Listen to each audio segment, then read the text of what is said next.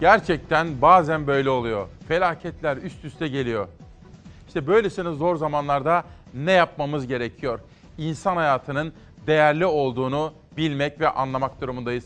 Günaydın Türkiye'm. Çok kıymetli Çalar Saat ailesi İsmail Küçükkaya ile Demokrasi Meydanı'na hoş geldiniz. 6 Şubat 2020 günlerden Perşembe İsmail Küçükkaya ile Hakikat Yolculuğunda insan hayatı değerlidir diyoruz. Şehitlerimiz var. Depremde kaybettiklerimiz var. Sarılması gereken yaralar. Çığ felaketi yaşadık. Üst üste iki kez. Uçak adeta büyük bir facianın eşiğinden döndü. Üç yurttaşımız hayatını kaybetti. Haber yolculuğumuza hızla başlıyoruz. Hızla başlıyoruz. Bölgesinde yağış geçişleri var. Çığ bölgesinde ise tipi nedeniyle çalışmalara ara verildi. Ardarda gelen felaket haberlerinin adreslerinde meteorolojik koşullar hayatı zorlaştırmaya devam ediyor. Van'da ardarda çığ felaketinin yaşandığı bölgede tipi şeklinde yoğun kar var. Ancak gün içinde yağışlar hafifleyecek. Van Bahçesaray'da metrelerce kar birikmesiyle bilinen bölgede bugün neyse ki kar yağışı hafifliyor. Gece saatlerinde tipi nedeniyle çalışmalara ara verilen bölgede gün içinde hafif yağış zaman zaman etkili olacak. Bölgede sıcaklıklar bugün de sıfırın altında. Yoğun kar yağışı ise cuma günü kaldığı yerden devam edecek. Bir diğer felaket bölgesi Manisa ise her gün sallanmaya devam ediyor. Depremle hop oturup hop kalkan bölgede depremzedeler fırtınayla mücadele veriyor. Dört katlı binadan kiremit altı membranı uçtu ve sonra kiremitleri de etkiledi. Manisa'yı depremden sonra bir de fırtına vurdu. Kırkağaç ilçesindeki Lodos fırtınası çatıları uçurdu. Çatılardan kopan parçalar ve kiremitler araçlarda maddi hasara neden oldu. Soma yolu üzerindeki bazı elektrik direkleri devrilme tehlikesi yaşadı. Kırkağaç tren istasyonunun ilçe giriş çıkış bariyerleri fırtınayla koptu. Bugün bölgede fırtınanın etkisi hafifliyor. Ancak sağanak yağış geçişleri zaman zaman kuvvetlenebilir. Sağanak anında kuvvetli rüzgarda görülebilir. Cuma ve cumartesi günlerinde ise kuzeyden esen kuvvetli rüzgar bekleniyor Manisa çevrelerinde. Beraberinde bölgede cuma cumartesi ani ve keskin sıcaklık düşüşü var. Manisalı depremzedelerin meteorolojik koşulları zorlaşacağı benziyor. Yurt genelinde zorlaşan kış koşulları Elazığ ve Malatyalı depremzedelerin hayatını da zorlaştırıyor. Bugün Elazığ ve Malatya hafif yağmurlu, genellikle çok bulutlu olacak. Yağışlar hafif ancak yükseklerde kar ve karla karışık yağmur ihtimali devam ediyor. Perşembeden cumaya bölgede yağışın etkisi artacak. Etkili yağışlar depremzedelerin koşullarını zorlaştırabilir. Cuma ve cumartesi günlerinde Elazığ ve Malatya çevrelerinde sıcaklıklarda da kademe kademe düşüş başlıyor. Soğuyan havayla birlikte cuma günü etkisini artıran yağışların yükseklere kar şeklinde düşme ihtimali var. Cumartesi ise kar ihtimali daha yüksek. Hafta sonu itibariyle bölgede hava önemli ölçüde soğuyacak. Termometre değerleri günden güne 3'er 5'er derece düşüşler yaşayacak. 2020 yılında acı olayları üst üste yaşamaktayız. Ve çığ felaketi, bir deprem felaketi yaşadık. Elazığ, Adana, Elazığ, Malatya ve hatta Adıyaman'da hissedildi. Manisa ve İzmir günlerden beri sarsılıyor. Bunun üzerine bir çığ felaketi. Arada İdlib'de verdiğimiz şehitler ve dün Sabiha Gökçen'de bir uçağın başına gelenler 3 yurttaşımızın hayatını kaybettik. Bu sabah 6 Şubat 2020 Perşembe gününde insan hayatı değerlidir. İşte bunu konuşacağız. Yönetmenimden şimdi rica ediyorum gazete manşetleriyle günün haber yolculuğuna başlayacağız. Hürriyet gazetesi beyaz facia diyor. Çığa 2 günde 38 kurban verdik. Van'da 5 kişinin öldüğü çığın altında kaldığı sanılan 2 kişiyi arayan ekiplerin üzerine çığ düştü. Kurtarmaya giden 33 kişi hayatını kaybetti. Şimdi bakın birinci çığ için bir şey diyemem. 5 yurttaşımız hayatını kaybetti. Onlara Allah'tan rahmet, kederli ailelerine başsağlığı diliyorum. Ancak ikinci çığ faciasını düşünmemiz ve konuşmamız gerekiyor. Burada sorgulamamız gerekiyor. İnsan hayatını kurtarmaya giderken ikinci çığ faciasında 33 kişinin hayatını yitirmesi büyük bir faciadır ve sorgulanmayı hak etmektedir. Bugünkü manşeti tekrar etmek istiyorum. İnsan hayatı değerlidir. Sessiz! Allah rızası için sessiz ya! Felaket üstüne felaket yaşandı. Çığ altında kalanları kurtarmaya giden ekibin üzerine de çığ düştü. Van'da aynı noktada yaşanan iki çığ felaketinde toplam 38 kişi hayatını kaybetti. bütün hastalarımız için genel durumlarının iyi olduğunu, herhangi ciddi veya ağır bir hastamızın olmadığını özellikle ifade etmek istiyorum. Beni dinlerseniz geri dönerim dedim. Keşke dinleselerdi beni. Kimse dinlemedi kepçe operatörünü. Göz göre göre yaşanan ilk çığ felaketi salı günü öğleden sonra 5 sularında meydana geldi. Van Bahçesaray Karayolu'nun 3000 rakımlı Karabet geçidi yakınlarında iş makinesi operatörü Bahattin Karagül'le bir kazanın yer tespiti için yoldan geçiyordu. Operatör Karagül'le yolun çığ düşmesi sonucu kapalı olduğunu gördü. Zincir takmak için duran yolcu minibüsünün şoförünü uyardı. Geri dönün tekrar çığ düşebilir dedi. Keşke dediğimi yapsalardı da geri dönseler. Dönmek istemediler. İş makinesi kar küreme çalışması yaparken yeni bir çığ geldi. İş makinesi kısmen çığ altında kaldı. Arkasındaki yolcu minibüsü ise yamaçtan kopan kar kütlesiyle birlikte yaklaşık 40 metre yükseklikten aşağı sürüklendi. Karların içine gömüldü. Operatör yaklaşık 25 dakika sonra kendi imkanlarıyla aracından çıkıp yardım çağırdı. Çok şükür çıktım, çıkabildim. Camı kırarak çıktım. Allah'tan ileride bir minibüs denk geldi. Ardından zamana karşı bir yarış başladı. Kar yağışı ve tipi yoğun şekilde devam etti. Cep telefonları ise çekmiyordu. Kurtarma ekipleri minibüse 4 saat sonra güçlükle ulaşabildi. Arkadaşlar biz buradan buradan bir kanal açacağız. Kurtarma çalışmalarına çevre köylerden vatandaşlar da katıldı. E, haberi alır almaz herkes eline küreğini, değneğini, çubuğunu, çişini alan arabasına bindi. Koştuk geldik buraya. Yolculardan 5'inin cansız bedeni çıkarıldı minibüsten. Operatörle birlikte 7 kişi yaralı olarak kurtarıldı.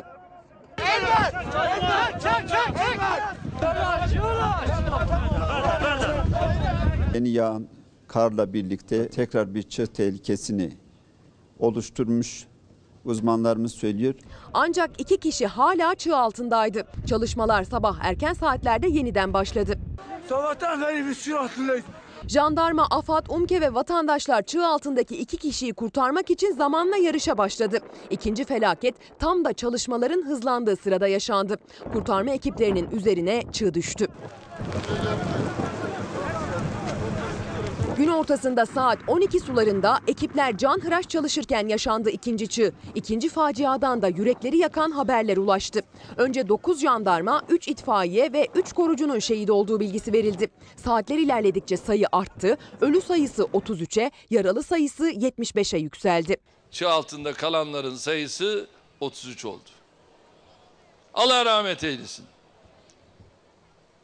Maalesef çığ, heyelan, bütün bunlar hep tehditler. Hastanelerimizde yatarak tedavisi yapılan 47 hastamızı ziyaret etmiş olduk. Bu 47 hastamızın ise yoğun bakım şartlarında takip edilen 6 hastamız söz konusu. Van AFAD İl Müdürü Osman Uçar'la aslen Bahçesaraylı olan Cumhurbaşkanı Başdanışmanı Gülşen Orhan da çığ altından yaralı kurtarıldı. Olaydan sonra Van'a giden Sağlık ve İçişleri Bakanları çığ felaketini yaşayanları ve Cumhurbaşkanı Başdanışmanlarından Gülşen Orhan'ı hastanede ziyaret etti. Bu akşam itibariyle oraya gittikten sonra arkadaşlarımızla yaptığımız değerlendirmelerde arama kurtarmaya son vermek zorunda kaldık. Çünkü tipi şiddetlendi. Ee, şimdi de yarın sabah itibariyle tekrar bir değerlendirme yapılacak. O değerlendirmeden sonra e, arama kurtarmanın devam edip etmeyeceği konusundaki kararı tekrar verilecek, vereceğiz. Çığ altında 3 kişinin daha bulunduğu tahmin ediliyor. Ankara'dan Van'a gönderilen 85 kişilik JAK ve AFAD'a bağlı arama kurtarma ekibiyle birlikte AFAD il müdürlüklerinden arama kurtarma uzmanları bölgede. Ancak gece saatlerinde çalışmalara ara verildi. Gece kuvvetlenen tipi bir kez daha çığ düşme riskini doğurdu. Bu yüzden ekipler bölgede patlamayla suni çığ oluşturmayı planlıyor. Daha aşağıda kaç yer olur? 6 Şubat 2020 Perşembe sabahında işte bunu sorgulayacağız. Sizin şu anda okula gitmek üzere hazırlanan çocuklarınızın, sevdiklerinizin yani insan hayatının değerli olduğunu hatırlayacağız. Burada hatalar var. Sistemsel olarak sorunlar var. Bakın birinci çığa bir şey demem. 5 kaybımız var. Çok üzüntülüyüz. Ama can kurtarmaya gidenlerin 33 kişinin ikinci çığ faciasında yaşamını yitirdiği bilgisi ve gerçeği yüreğimizi acıtmalıdır. Sistemi sorgulayacağız. Burada sistem sorgulaması yapacağım. Bugün bu konuları Türkiye'de en iyi bilen ismi dün aradım, konuştum, notlar aldım ve sizlerle buluşturacağım onu. Yani bu konuları en iyi bilen kimse o bu sabah İsmail Küçüköy ile Demokrasi Meydanı'nda konuşacağız. Birinci hattımızda sistem sorgulaması var. İnsan hayatı değerlidir. İkinci hattımıza geçeceğim. Yine sistem sorgulaması. Bir uçak kazası. Sabiha Gökçen'e inen bir uçak neden indi? Kule ile aralarındaki konuşma. 3 yurttaşımız yaşamını yitirdi. 170 kişinin hayatı tehlike altındaydı. Şimdi işte ona bakıyorum. Hürriyet gazetesi. Pistten çıktı, 3'e bölündü. Ucuz atlattık. İzmir'den İstanbul'a gelen Pegasus Hava Yolları'na ait yolcu uçağı Sabiha Gökçen Havalimanı'nda pistten çıktı. 177 yolcu, 6 mürettebat bulunan uçaktaki 157 kişi yaralandı, bir kişi öldü. Rüzgar kırılması vurdu diyor havacılık uzmanı Uğur Cebeci. Dün Habertürk'te de bir başka havacılık uzmanı Güntay Şimşek anlatıyordu. İşte bugün bir taraftan ikinci çığ faciasındaki sistem sorgulamasını yaparken insan hayatı değerlidir diyerek ikinci sistem sorgulamasını yani nerede hata yapıyoruz? İşte bunu uçak kazası bağlamında da konuşacağız.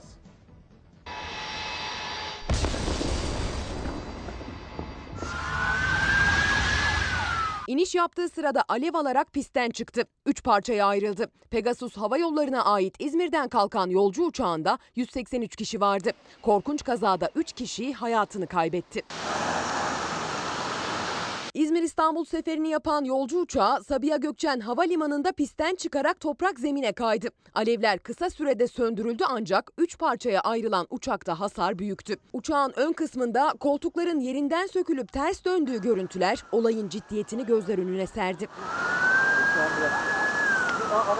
Uçağın özellikle burun kısmı daha ağır bir hasar aldı. Bu nedenle hem pilotların hem de ön koltukta oturan yolcuların kazadan daha fazla etkilendikleri söyleniyor. İkisi bebek 177 yolcu, 2 pilot ve 4 kabin görevlisi vardı uçakta. 3 yolcu hayatını kaybetti. Sağlık Bakanı Fahrettin Koca yaşamını yitiren ve yaralanan yolcular hakkında bilgi verdi. Maalesef hayatını kaybeden 3 vatandaşımız oldu. Yoğun bakımlarda takip edilen hasta sayımız ise 3 kişi.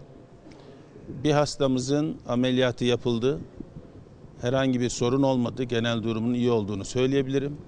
179 hastanelerimizde takip edilen hastaların genel durumlarının iyi olduğunu, durumu kritik veya ciddi veya ağır olan herhangi bir hastamızın şu an olmadığını söyleyebilirim. Yanarak pistten çıkan uçakta alevler kısa sürede söndürüldü. Kurtarma ekipleri bir yandan kazazedelerin tahliyesini gerçekleştirirken bir yandan da tekrar meydana gelebilecek bir yangını önlemek için uçağa su ve köpük sıktı. Kaza noktasına yaklaşık 100 metre uzaklıktayız. Burnumuza çok keskin bir yakıt kokusu geliyor. Bu nedenle tedbir alan ekipler bir patlama, bir yangın ihtimaline karşı kaza yapan uçakta soğutma çalışması yapıyor.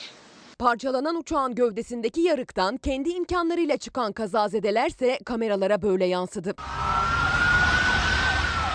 Kule ve pilotlar arasındaki konuşma kısa sürede yayınlandı. Kuleden pilotlara verilen bilgi kaza göz göre göre mi geldi sorusunu akıllara getirdi. Ses kaydında kule pilotları uyarıyor, daha önceki uçağın rüzgar ihbarında bulunduğunu ve pisti pas geçtiğini söylüyor. Son inen trafiğimiz 600 fit altında 37, bin- 37 knot seyrimiz rapor etti. Sizden önce iki trafiğimiz de pas geçti. Anlaşıldı. Kazanın ardından 10 saat boyunca kapanan pist sabaha karşı 4'te yeniden uçuşa açıldı. İnsan hayatı değerlidir. İnsan hayatı her şeyden daha değerlidir. Bu sabahki manşetimiz Uyanan Çalar Saat ailesini görüyorum. Kayseri fırtınalı ama çok fırtınalı bir geceyi geçirdi. Kayseri'ye geçmiş olsun diyorum. Arkadaşlarım haberini hazırlıyorlar. Ve Çalar Saat ailesinden Ankara'dan Hasan Hocam, Mehmet Ali Dim arkadaşım, Hilal hepsi de Ankara'dan kar fotoğrafları yollamışlar bize. Ankara kar yağışı. Kayseri fırtınalı Ankara kar yağışı altında hava durumunda bütün Türkiye'de hep beraber bakacağız. İzmir ve Manisa'dan çok yoğun mesajlar geliyor. Manisa günlerden beri sallanıyor. Manisa sallandıkça İzmir bunu hissediyor ve bunu da bana Erdi Can yazmış. İnsan hayatı değerlidir ama bunu anlatmamız gerekiyor. Hürriyet gazetesinden sonra Pencere gazetesine geldim. Fotokopi odasında ne konuşuldu? FETÖ kumpasıyla cezaevinde yatmış olan eski Genelkurmay Başkanı İlker Başbuğ'un FETÖ'nün siyasi ayağı ortaya çıkarılsın şeklindeki açıklamaları siyasetin gündemini sarsmayı sürdürüyor. Askerlerin sivil mahkemelerde yargılanmasının önünü açan ve 2009'da bir gece yarısı operasyonuyla yasalaştırılan düzenleme aradan geçen 11 yılın ardından siyasetin en sıcak gündem maddesi oldu.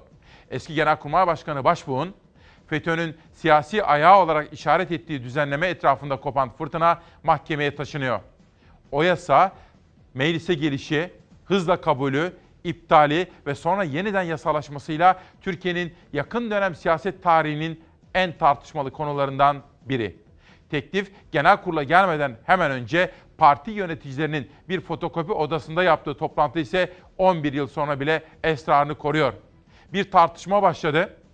Cumhurbaşkanı Erdoğan ve aynı zamanda İlker Başbuğ, eski Genelkurmay Başkanı arasındaki bu tartışma siyaset kulislerini dalgalandırıyor. Aynı zamanda AK Parti'nin lideri olan Sayın Erdoğan, kendi milletvekillerine dedi ki, bütün arkadaşlarım İlker Başbuğ'un hakkında dava açsınlar ve suç duyurusunda bulunsunlar dedi. Bugün 7 ayrı köşe yazarından alıntılar yapacağız. Gazeteleri beraber okurken günün köşe yazarlarını beraber seçeceğiz. Bunlardan bir tanesi Oda TV'nin haber müdürü ve aynı zamanda Cumhuriyet Gazetesi yazarı Barış Terkoğlu. Barış Terkoğlu da bugün İlker Başbuğ'un neden yıpratılmak istendiğini, acaba hangi gündem maddesinin değiştirilmek istendiğini sorguluyor. Barış gibi Sözcü Gazetesi yazarı Aytunç Erkin de tozlu raflardan çıkarttığı FETÖ dosyaları ve sorgulaması yaparak aslında İlker Başbuğ'un üzerine yaylım ateşi atılmasının kimin işine geldiğine dair bir sorgulama yapıyor bu sabah. Yönetmenimden şimdi gazeteleri şöyle bir kaldırmasını ve bana Ulaştırma Bakanı yaptığı açıklamayı getirmesini rica ediyorum. Hilal teşekkürler. Kazadan 24 saat önce Ulaştırma Bakanı Mehmet Cahit Turhan'ın yaptığı bir açıklama dikkat çekti. Pist yorgun diyor. Şimdi hafızaları çalıştırmanın ve insan hayatının ne kadar değerli olduğunu hatırlamanın tam zamanı. Dün Sabiha Gökçen'de bir uçak alev aldı ve üçe bölündü. Bu kazadan çok kısa bir süre önce o havalimanı, o piste ilişkin Türkiye'deki en yetkili ağız olan Ulaştırma Bakanı bakın neler söylüyordu. Sabiha Gökçen'deki pisti sordunuz. Sabiha Gökçen'deki pist imalatımız devam ediyor. Bu yılın sonunda e, tabii hizmeti aşmayı planlıyoruz. Sabiha Gökçen'in trafiği de giderek arttı. Tabii İstanbul'un trafiği giderek artıyor. E, ancak Sabiha Gökçen'de e, bir pistimiz var. Bu pistimiz çok yoruldu. E, uçuşların olmadığı saatlerde gece hemen hemen her gece piste bakım yapılıyor. Dolayısıyla buraya e, tabii İstanbul Havalimanımıza frekans tahsisi istekleri e, olduğu gibi buraya da uçuş talepleri var. Ancak bunu biz yeni pistin yapılmasına kadar şimdilik durduruyoruz. Çünkü eski pisti de e, bir bakıma alacağız. Demek ki bu sabah deprem felaketini Elazığ ve Malatya'yı unutmuyoruz. İlk haberimiz oradaki hava durumuydu. Çığ felaketi Van'ı, Bahçesaray'ı unutmuyoruz. Ve orada ikinci çığ faciası ölenlerle ilgili olarak sistem sorgulaması yapacağız. Sabiha Gökçen'e inen o uçakla ilgili yine sistem sorgulaması yapacağız. Ve bugün iki ayrı konuğum olacak. Her iki konuda da sizlerle konuşabilmek ve insan hayatının değerli olduğunu anlatabilmek için. FETÖ'nün siyasi ayağı tartışmalarında Aytunç Erkin ve Barış Terkoğlu'nun yazıları üzerinden özel manşetlerimizle sizlere anlatmaya çalışacağım. Pencereden Sözcü gazetesine geçiyorum. Çığ faciası gazetenin birinci sayfa manşeti. Bahçesaray'da önceki akşam 5 kişi, dün de 33 kişi çığ felaketine kurban gitti. Peş peşe ölümler Türkiye'yi yasa boğdu, acımız büyük. İki günde çığ faciasında 38 kişi can verdi diyor. Gerçekten 2020 yılı bize acı olaylarla birlikte geldi. Bugün Fatih Altaylı da 1992 yılını hatırlatıyor. Felaketlerle dolu bir yıl diyor. Ve diliyor ki Habertürk yazarı Fatih Altaylı diliyor ki 2020 yılında daha başka felaket ve acı olmasın.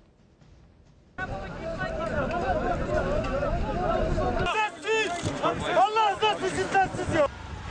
Sabiha Gökçen havaalanında Pegasus'un uçağı düştü. Çığ'dan yeni bir haber daha geldi. Çığ altında kalanların sayısı 33 oldu. Bahçesaray'da meydana gelen çığ felaketleri ve Sabiha Gökçen Havalimanı'nda yaşanan uçak kazası bizleri derinden üzmüş, Elazığ depremi ve İdlib'li askerlerimizin şehit edilmesi sonrası yaşadığımız acı katlanmıştır. Felaketler peş peşe geldi. Deprem, şehit haberleri, ard arda yaşanan çığ faciaları ve son olarak uçak kazası. Siyasilerin de gündemindeydi. 2020 yılına girdik gireli Türkiye seri afetlerle, tarifsiz acılarla boğuşmaktadır. Elazığ ve Malatya'da yaşanan deprem felaketinin henüz sarsıntısı ve sıcaklığı ortadayken Van'ın Bahçesaray ilçesinden aldığımız kara ve kahredici haberler milletimizi derinden yaralamıştır. Van'dan peş peşe gelen acı haberlerle yüreğimiz yandı. Çığ faciasında yitirdiğimiz şehitlerimize ve vatandaşlarımıza Allah'tan rahmet, ailelerine başsağlığı ve sabır diliyorum. Milletimizin başı sağ olsun. Arda arda gelen felaketler, kazalar ve menfur saldırılar karşısında her zaman tek yürek, tek yumruk olan, gücünü, azmini ve metanetini tüm dünyaya defalarca gösteren Türkiye Cumhuriyeti inşallah bu dönemi de devlet millet dayanışmasıyla atlatacaktır. Türkiye Elazığ'daki 6,8'lik depremin yaralarını sarmaya çalışırken İdlib'de rejimin saldırısıyla 8 Mehmetçik şehit oldu. Şehitlerimizin acısı sürerken Van'dan çığ haberleri geldi. İki günde 38 kişi hayatını kaybetti. Tam çığ konuşulurken bu kez Sabiha Gökçen'deki uçak kazasıyla tüm Türkiye'nin yüreği ağzına geldi. Kazada 3 kişi öldü. Allah rahmet eylesin. Felaketler liderlerin de gündemindeydi. Cumhurbaşkanı Erdoğan Kırıkkale'de ilk açıklamasını yaptı. Ardından sosyal medya hesabından. Çığ, heyelan, bütün bunlar hep tehditler. CHP lideri Kılıçdaroğlu sosyal medya hesabından başsağlığı mesajı yayınladı. MHP lideri Bahçeli 2020 yılı başından beri felaketlerle boğuşuyoruz dedi. İyi Parti lideri Akşener'den de başsağlığı mesajı geldi. Van Bahçesaray'daki çığ felaketinde yaşamını yitiren vatandaşlarımıza ve kurtarma çalışmaları sırasında düşen ikinci bir çığa şehit verdiğimiz kahraman jandarmalarımıza, itfaiyecilerimize, korucularımıza ve yardımsever vatandaşlarımıza Cenab-ı Hak'tan rahmet diliyorum. Kayseri'den yoğun olarak mesajlarınız gelmekte. İnsan hayatı değerlidir. Bu gerçeği unutmamak gerekiyor. Firdevs Buldur. Bu ülkede en ucuz, en kolay harcanan maalesef insan hayatıdır. Böyle olmamalı. Bak şu anda yanınızda çocuklar var, okula gidecekler. Onlara hayatlarının ne kadar kıymetli olduğunu, onlarla birlikte sisteme de öğretmemiz ve gereken tedbirleri almamız, standartları yükseltmemiz, denetimleri sıklaştırmamız gerekiyor. İnsan hayatı her şeyden, paradan, puldan, şandan, şöhretten daha değerlidir diyorum. Sözcüden bir haber daha gelsin. Başbuğ bombası. İlker Başbuğ'un FETÖ'nün siyasi ayağı yorumuna Erdoğan'dan sert tepki geldi. Genelkurmay eski başkanı İlker Başbuğ 2009'da askerlerin özel yetkili mahkemelerde yargılanma teklifini getirenler araştırılsın dedi. Erdoğan AKP'li vekillerden Başbuğ'a dava açmasını istedi. Bugün hem Aytunç Erkin, Sözcü Gazetesi'nin yazarı, tozlu raflardan yine titiz bir çalışma yapmış gazetecilik ve FETÖ dosyalarını indirmiş İlker Başbuğ'un hedef tahtasına oturtulmasının en çok FETÖ'yü sevindireceğini irdelemiş.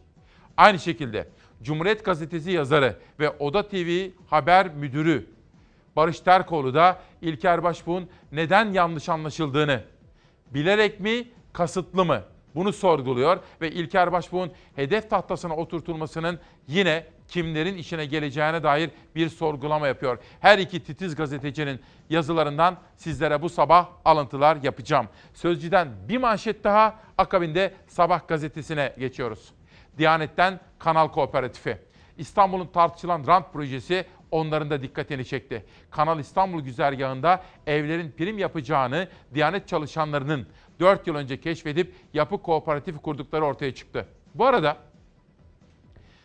Kültür ve Turizm Bakanı Mehmet Ersoy'la konuştum. Bugünlerde bir tevatür var ya, Çeşme'ye Araplar kanal yapacaklar diye. Ben de bunu basından duyuyorum. Demek ki böyle bir şey yok. Belki bazı uyanıklar bir takım planlar geliştirmiş olabilirler. Ama bizim bakanlık olarak böyle bir bilgimiz, onayımız falan yok. Dolayısıyla bu olacak iş değil dedi Bakan Mehmet Ersoy. Bu sözleriyle yüreğimizi rahatlattı efendim. Kendisinin yapmış olduğu açıklamaları ben size bilare Peyder Bey'de anlatma imkanı bulacağım. Sözcüye tamam diyorum şimdi. Sabah gazetesine geçiyorum. Sabah gazetesinde yaşadığımız çığ felaketi manşette can kurtarırken şehit düştüler. Van Bahçesaray'da çığ üstüne çığ, acı üstüne acı. İlk çığda kayıp olan iki kişiyi kurtarma çalışmasında ikinci çığ faciası yaşandı. Sevgili Türkiye'm, birinci çığa yapacak bir şey yok. Beş yurttaşımız yaşamını yitirdi. Acımız büyük. Ama ikinci çığ faciasında 33 kişiyi kaybettik. Bu ihmaller zincirini ve aslında hatalarımızı da konuşmamız gerektiğini bize hatırlatıyor. Can kurtarmaya giderken 33 kişi hayatını yitirdiyse burada liyakati konuşmamız gerekiyor. Alınması gereken ama alınmayan tedbirleri konuşmamız gerekiyor. Sistem ve yapıyı tartışmamız gerekiyor. Teknolojik donanım var mıydı?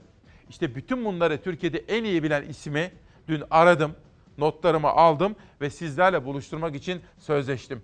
Bugün işte onunla da konuşacağız. Ama dün öylesine kapkara bir gün idi ki felaketler, kazalar, ölümler. Bir de metroda kaza vardı.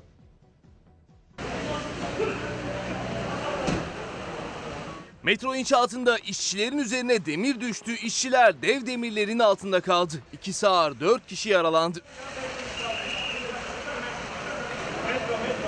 Sabiha Gökçen Havalimanı Pendik metrosu inşaatından geldi kaza haberi. Pendik Yayalar Mahallesi'ndeki tünel inşaatında vinçle taşınan demirler işçilerin üzerine düştü. Metro inşaatında çalışan işçiler düşen demirlerin altında kaldı. Zamana karşı yarış başladı. İşçileri demirlerin altından kurtarmak için önce arkadaşları sonra sağlık ekipleri seferber oldu. Demir yığınının altından kurtarılan 4 işçi hemen hastaneye kaldırıldı. Tedavi altına alınan işçilerden ikisinin durumunun ağır olduğu öğrenildi. İşçilerin tedavisi devam ediyor. 6 Şubat 2020 günlerden Perşembe İsmail Küçükkaya ile Hakikat Yolculuğunda insan hayatı değerlidir diyoruz efendim. İşte bunu önlem anlamamız gerekiyor ve felaketleri önlemek için de insan hayatının değerli olduğunu mesela çalışma hayatında çok sayıda işçi kaybediyoruz.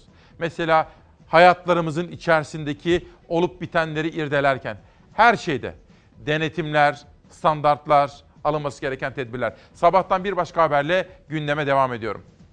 Cumhurbaşkanı Erdoğan'ın sözleri. Esad çekilmezse gereğini yapacağız diyor. Sabah gazetesinden okuyorum. Başkan Erdoğan, rejim bu ay içindeki İdlib'deki Türk gözlem noktalarının gerisine çekilmezse bu işi bizzat Türkiye'ye yapmak mecburiyetinde kalacak diyor efendim Cumhurbaşkanı Erdoğan. Tabii İdlib'de kahramanlarımız şehit oldu. Rusya Esad'ın yanında. Biz iki arada bir derede. Amerika bir emperyal güç olarak bizi kışkırtmaya çalışıyor. İstiyor ki biz Ruslardan tamamen kopalım. Ama yine tam da Amerika gibi bir başka emperyal güç olan Rusya da bizi iki arada bir derede sıkıştırmak istiyor. Soru şu. Pek çok dış politika hatasıyla geldiğimiz bu noktada 4 milyon Suriyeliyi Türkiye'de ağırlamak ve 40 milyar dolar harcamak zorunda kalan bir ülke. İdlib'den Türkiye'ye yüz binlerce insan daha akın akın gelirken biz emperyal güçlerin Amerika ile Rusya'nın arasında bu kadar sıkışmışken günün sorusu şu olsun. Siz, siz de düşünün lütfen. Biz bu cendereden nasıl çıkacağız? Şubat ayı içerisinde rejimin gözlem noktalarımızın gerisine çekilme işleminin bitirilmesini umut ediyoruz. Rejim bu sürede geri çekilmezse Türkiye bu işi bizzat yapmak mecburiyetinde kalacak. Cumhurbaşkanı Erdoğan, rejime İdlib'de ele geçirdiği yerlerden çekilmesi için Şubat ayı sonuna kadar süre tanıdı. 8 şehit verilen saldırı sonrası Türkiye için Suriye'de yeni bir miladın başladığını söyledi. Bundan sonra vardığımız mutabakatların ihlali anlamına gelen hiçbir adıma göz yumayacağız. Madem İdlib bölgesindeki askerlerimizin güvenliği sağlanamıyor, öyleyse bunu bizzat yapma hakkımızı kullanmamıza kimse itiraz edemez. Cumhurbaşkanı Erdoğan çok sert konuştu AK Parti grup toplantısında. Türkiye'nin yeni Suriye stratejisini açıkladı. Ayrım yapmadan Suriye, Rusya ve İran'ı uyardı. Askerlerimize ve birlikte çalıştığımız dost unsurlara havadan veya karadan yapılan her saldırı kaynağın aidiyetine bakılmaksızın ve herhangi bir ikaz yapılmaksızın misliyle cevaplandırılacaktır. Türk Silahlı Kuvvetleri'nin hava ve kara unsurları ihtiyaç duyduğumuz her an tüm harekat bölgelerimizde ve İdlib'de serbestçe hareket edecekler, gerektiğinde operasyon yürüteceklerdir. Türk askerinin kanının aktığı bir yerde hiçbir şeyin aynı şekilde devam etmesine izin veremeyiz. Şam'a hedef alan Cumhurbaşkanı'nın Moskova ve Tahran'ın da mesajı vardı. Ankara'nın her şeyin farkında olduğunu söyledi. Rejim denilen kuklanın küçük bir hizip dışında kendi ülkesinde herhangi bir karşılığı yokken suni solunumla yaşatıldığının farkında olmadığımız mı düşünülüyor? Cumhurbaşkanı Erdoğan dün akşam Rusya lideri Putin'le yaptığı görüşmeden bahsetti. Türkiye'nin İdlib'de kurduğu iki gözlem noktasının rejim hatları gerisinde kaldığını belirtti. İdlib'de rejimin bir an önce Soçi mütabakatı sınırlarına yani gözlem noktalarımızın gerisine çekilmesini dün akşamda Sayın Putin'le yaptığım görüşmede ifade ettim. Rusya'dan tek beklentimiz Suriye'deki hassasiyetlerimizi daha iyi anlamasıdır. Cumhurbaşkanı rejime Şubat sonuna kadar süre verdi. Yoksa bunu biz yaparız dedi. Hedefinde sadece Şam rejimi yoktu. Fırat'ın doğusundaysa Washington'a yüklendi. Onların düşmanı kim? Türkiye. Onların derdi acaba biz bu PYD'yi, YPG'yi yani PKK'yı daha fazla nasıl silahlandırırız? Öyle silahlandıralım ki bunlar Türkiye'ye karşı orada ayakta durabilsinler. Dertleri bu. Rusya ve Amerika'nın Barış Pınarı Harekatı bölgesinde mutabakatlara uymadığını vurgulayan Erdoğan, harekatların süreceğinin sinyalini verdi. Madem terör örgütünün saldırıları bu bölgelerin garantörü konumundaki ülkeler tarafından durdurulamıyor, Barış Pınarı bölgesinde başlattığımız harekatı sağ, sol ve alt taraftan sürdürmekte tereddüt etmeyeceğiz. Erdoğan, harekatların Türkiye'nin Suriye'deki güvenlik ihtiyaçları karşılanana kadar devam edeceğini belirtti. Cumhurbaşkanı bu çok önemli mesajları verirken Türk Silahlı Kuvvetleri sınır hattına sevkiyatı yoğunlaştırdı. Hatay'ın yanı sıra Gaziantep ve Kilis'e obüs, tank, zırhlı araç ve komando birlikleri gönderildi. Bu arada Amerika, Suriye ordusuyla yaşanan çatışma konusunda bir kez daha Türkiye'ye destek çıktı. Dışişleri Bakanı Pompeo, Türkiye'nin meşru müdafaa amaçlı eylemlerini tamamıyla destekliyoruz dedi. Washington'ın NATO müttefiki Türkiye'nin yanında olduğunu vurguladı. 6 Şubat'ta işte böyle çok çılgın ve dop dolu bir gündemle sabaha uyandık efendim. Nazmi Bey diyor ki sevgili kardeşim söyler misin nasıl bu noktaya geldik Suriye konusunda? Nazmi Bey çok açık. İktidarın hatalı tercihleri, yanlış dış politikaları ve işte geldiğimiz sonucun faturası. 4 milyon Suriyeli, harcanan 40 milyar dolar ve şu anda İdlib'den Türkiye'ye doğru gelen yüz binlerce insan. Bunun çok açık bir sorumlusu var. Tabii ki Esad sorumludur. Tabii ki Ruslar, Amerikalılar hepsi sorumludur. Ama biz kendi payımıza düşen sorumluluğu da kabul etmek zorundayız. Türkiye'nin ödediği bu acı bedel içerisinde batılı ülkelerin çifte standardını, Rusya'nın ve Amerika'nın emperyal hedeflerini ıskalayan bizimkiler yanlış şekilde çok fazla inisiyatif aldılar. Geldiğimiz nokta işte budur. Memleketimize başsağlığı diliyor Nuri Ertan. Simav'dan benim hemşerim, arkadaşımdır. O da acı olaylar yaşadık sevgili İsmail kardeşim. Memleketimize sabır ve başsağlığı diliyorum diyor. Nuri Ertan'a da bu anlamlı dileği için teşekkür ediyorum. Sabahtan geçelim Cumhuriyet'e. Cumhuriyet gazetesi acı üstüne acı manşetiyle çıkmış bu sabah. Van'daki iki çığ felaketinde 38 kişi yaşamını yitirdi diyor.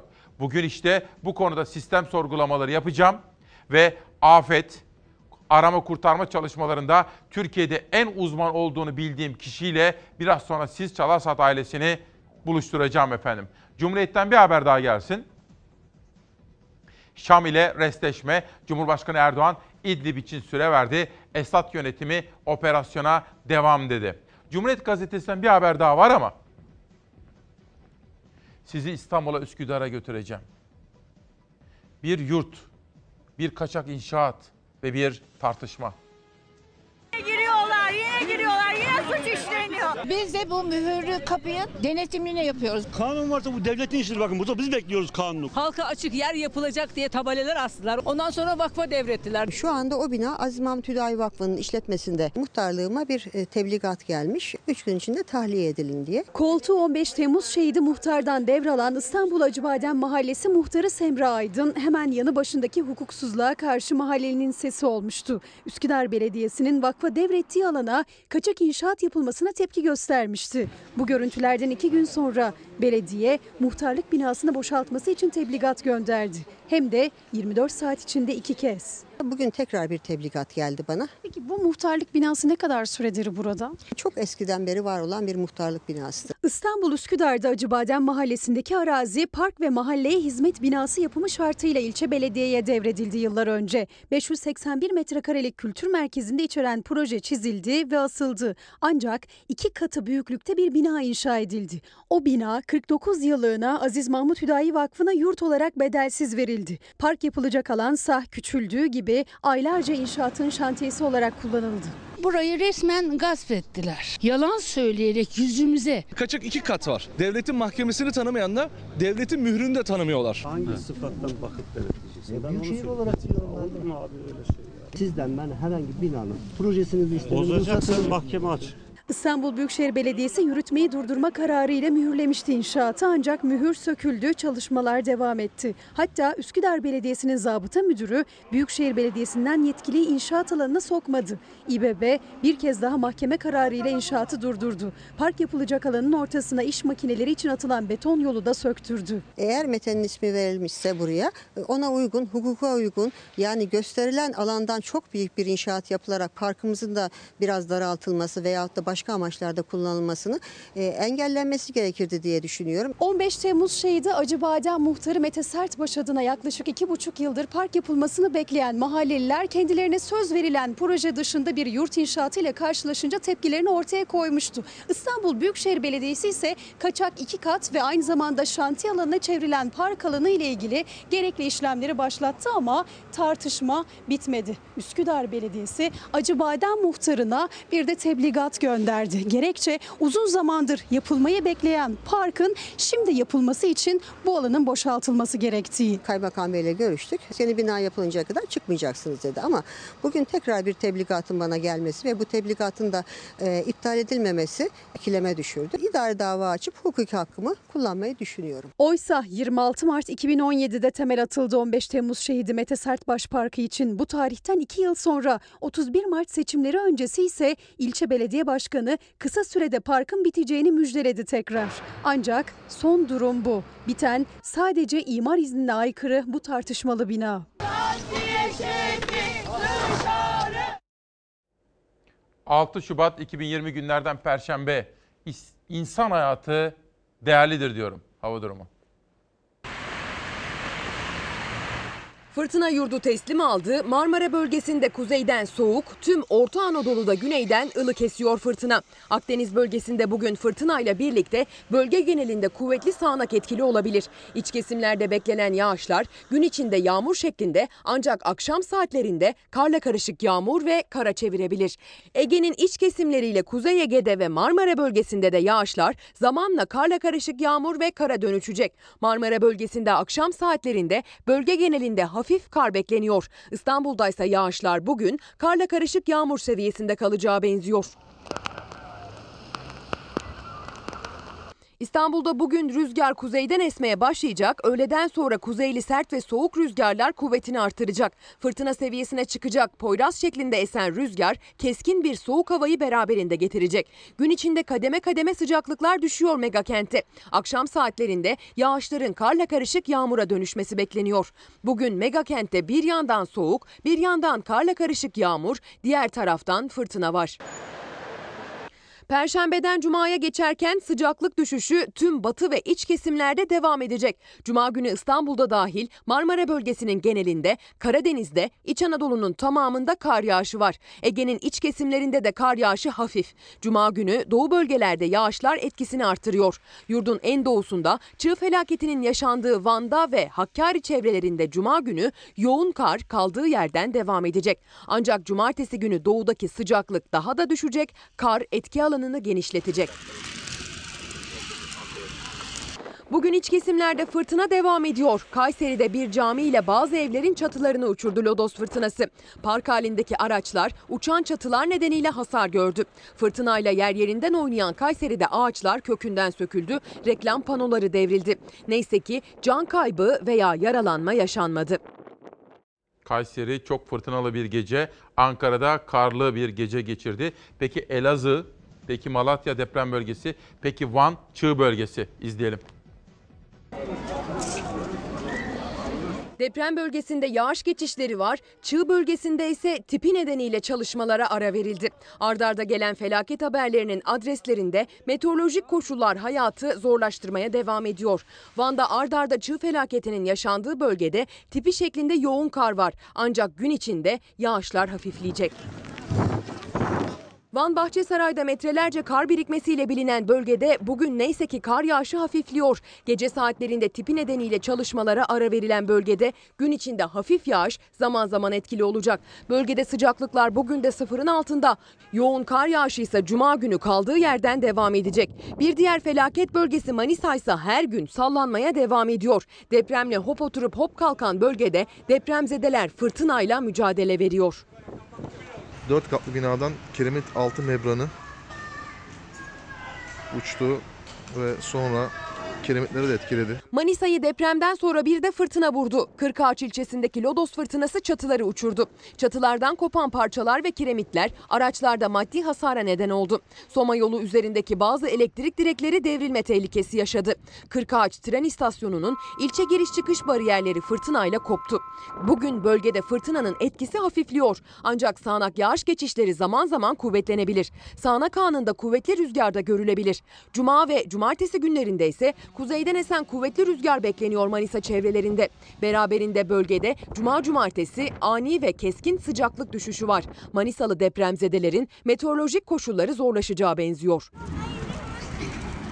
Yurt genelinde zorlaşan kış koşulları Elazığ ve Malatyalı depremzedelerin hayatını da zorlaştırıyor. Bugün Elazığ ve Malatya hafif yağmurlu, genellikle çok bulutlu olacak. Yağışlar hafif ancak yükseklerde kar ve karla karışık yağmur ihtimali devam ediyor.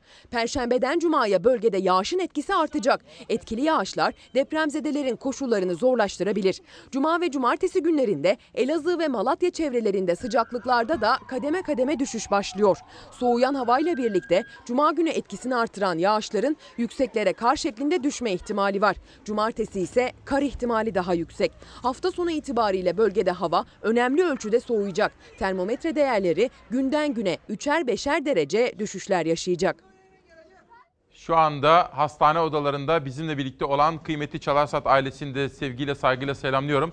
Emekli bir asker ve bir parlamenter olan yolsuzlukla mücadele eden Tevfik Diker'de bir hastane odasında Ankara'da bizi izlemekte ve Türkiye'ye içten iyi dileklerini sunmakta. Siz Çalarsat ailesi, Orhan Bayraktar ve Ali Tabakoğlu 2 dakikada peş peşe ikisi bakın çığ faciası. Kepçe operatörünün bile çığ tehlikesi var dönelim dediği bir yerde. Ali Tabakoğlu da İsmailoğlu'nun başımız sağ olsun diyor. İnsan hayatı değerlidir. İlk çığ düşmesi öncesi kepçe operatörü minibüs şoförünü gitmeyin çığ düşebilir diye uyarmasına rağmen şoför insanları bile bile ölüme götürmüş. İkinci çığ ise o da bile bile ölüme gitmek Allah rahmet eylesin diyor bakın. İşte bunu konuşmamız, sormamız ve sorgulamamız gerekiyor efendim. Bugün insan hayatı değerlidir demek önemli. Şu anda evinizdesiniz ya. veya diyelim hastane odasında veya diyelim iş yerinde veya yoldasınız. Hayatınız değerlidir. Çocuğunuz bak yanınızda okula gidecek veya hemen az evvel okula yolladınız. Onların iyi ve huzurlu refah içinde yaşaması gerekiyor efendim. Bir şey söyleyeceğim. Hilal o haber hazır olunca bana söyle. Şimdi efendim bugün çığ faciasını konuşacağız. Deprem faciasını konuşacağız. Sabiha Gökçen'de felaketin eşiğinden döndüğümüz ama maalesef 3 kardeşimizi kaybettiğimiz uçak faciasını konuşacağız. Sistem sorunlarını konuşacağız. FETÖ'nün siyasi ayağını tartışacağız. Ama bütün bunların dışında çok önemli bir olay var. İlk defa duyacaksınız. İlk defa burada duyacaksınız. Ama inanın gün içerisinde çok konuşulacak. Hatta tahmin ediyorum AK Parti lideri ve Sayın Erdoğan da Sayın Cumhurbaşkanı da bu konuda açıklamalar yapacak. Günün en önemli haberi geliyor. Şöyle bir 30 saniyeye ihtiyacım var. O arada ben geçelim Karar Gazetesi'ni de sizlere okuyayım. Ve Karar Gazetesi'nin manşetinde ne var şöyle bir bakalım. Siyasi ayak. İlker Başbuğ'un bu konudaki çıkışına ve çağrısına boru cevabı. Karar böyle çıkmış. FETÖ'nün siyasi ayağı polemiğinde TBMM'den 2009'da geçen ve askerlere sivil mahkeme yolunu açan düzenlemeyi gündeme getiren Genelkurmay eski başkanı Başbuğ'a Cumhurbaşkanı sert cevap verdi. Başbuğ'un Ergenekon iddiasına konu olan silahlara yönelik bunlar boru sözlerini hatırlatan Erdoğan bu boru göstermeye benzemez parlamentonun hukuku boruyla sindirilemez dedi. Bu konuda bugün hem Sözcü'de Aytunç Erkin hem de Cumhuriyet'te Barış Terkoğlu yazmışlar. Her ikisi de İlker Başbuğ'un sözlerini önemli buluyorlar. FETÖ'nün siyasi ayağın ortaya çıkarılması için İlker Başbuğ'un çağrısının karşılık bulması gerektiğini söylüyorlar. Bakın Barış Terkoğlu, İlker Başbuğ'un göstermediği boru. İlker Başbuğ'un yanlış anlaşıldığını ve hedef saptırıldığını söylüyor. Oda TV'nin haber müdürü ve Cumhuriyet yazarı Barış Terkoğlu. FETÖ'nün imdadına yetişen yasalar, kimler o yasaları çıkarttı zamanında, kimin onayıyla çıkarttı diye bir sorgulama yapıyor. Ve yazısının sonunda öyle görünüyor ki ikinci boru vakasında birileri FETÖ'nün siyasi ayağını saklamak için çırpınıyor diyor efendim. Bunu biraz sonra sizlere anlatacağım. Bahsettiğim çok önemli. İlk defa burada duyacağınız olay bu değil. Avrupa'ya gidiyoruz. Avrupa Parlamentosu'na. Avrupa Parlamentosu bir oturum var ve orada bir skandal yaşandı. Kimler davetli, kimler konuştu, kimler konuşturuldu? Günün manşetini herkeslerden önce İsmail Küçükkaya ile Çalarsat ailesi atsın bakalım. Otorite ve istikrar çok önemli değerli arkadaşlar. Avrupa Parlamentosu'nda düzenlenen skandal bir etkinlikte PKK terör örgütünün elebaşlarının ve destekçilerinin de katılımıyla terör propagandası yapılmış, Türkiye'ye ve Sayın Cumhurbaşkanımıza yönelik çirkin tehditlerde bulunulmuştur. Binlerce masum insanı katleden eli kanlı teröristleri Avrupa Parlamentosu çatısı altında konuşturanlar onların suçlarına ortak olmuştur. Kırmızı bültenle aranan PKK'lı teröristler Avrupa'nın göbeğinde Avrupa Parlamentosu'nda ortaya çıktı, düzenlenen konferansa katıldı. Ankara'dan AP'ye tepki gecikmedi. Skandal görüntülerin ev sahibi Avrupa Parlamentosu oldu. Brüksel'de Avrupa Birliği, Türkiye, Orta Doğu ve Kürtler başlığıyla bir konferans düzenlendi.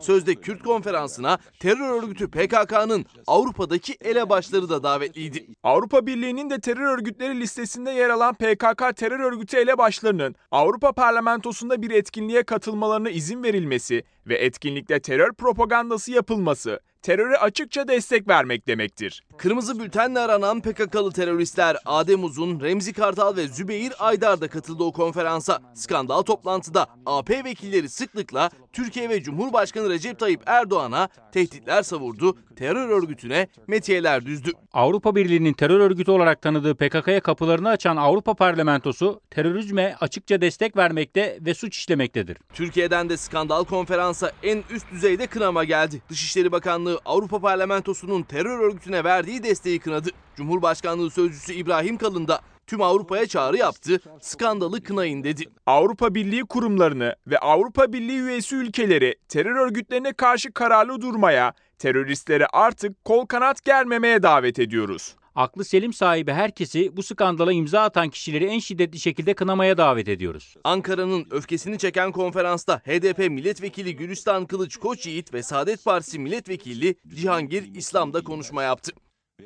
Ankara bu konuyu gündeme taşıyacaktır. Öyle tahmin ediyorum. Ve çok sert bazı açıklamalar gelecektir. Bizzat AK Parti lideri ve Cumhurbaşkanı Erdoğan'dan da açıklama geleceğini tahmin ediyorum bu konuda efendim. Gelişmeleri dikkatle takip edelim ama biz sizlere duyurmuş olalım. 6 Şubat 2020 günlerden Perşembe İsmail Küçükkaya ile Demokrasi Meydanı'nda insan hayatı değerlidir diyorum. Ve siz Uyanan Çalarsat ailesine bakıyorum. TC Ayşe Uşak. İsmail Bey günaydın.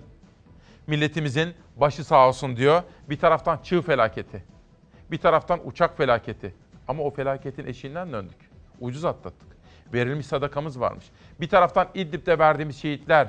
Bir taraftan deprem felaketi. Kalbimiz Elazığ ve Malatya ile atıyor. Burak Atakoyuncu. Suriye konusunda eleştiriler yöneltmiş Burak Bey.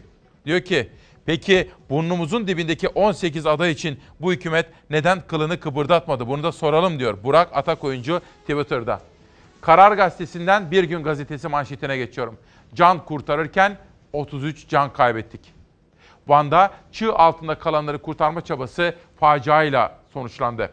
Van'da çığ düşmesi sonucu 5 kişinin ölümünün ardından kayıp 2 kişiyi arama çalışması faciayla sonlandı.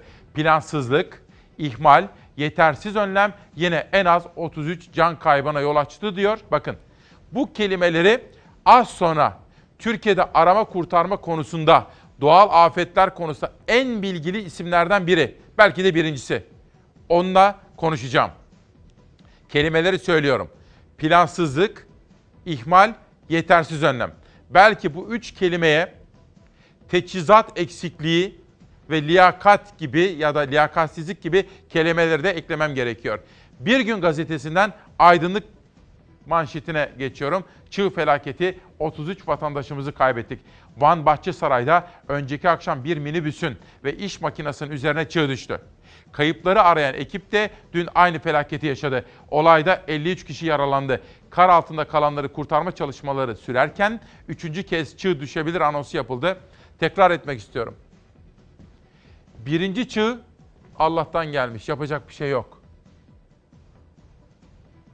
Ama ikinci çığ hani kader, insanın buradaki rolü bunları sorgulamamız gerekiyor. Tevekkül neydi efendim? Tevekkül şuydu. Biz gereken her türlü önlemi alacağız. Biz üzerimize düşen her şeyi eksiksiz muntazaman yapacağız.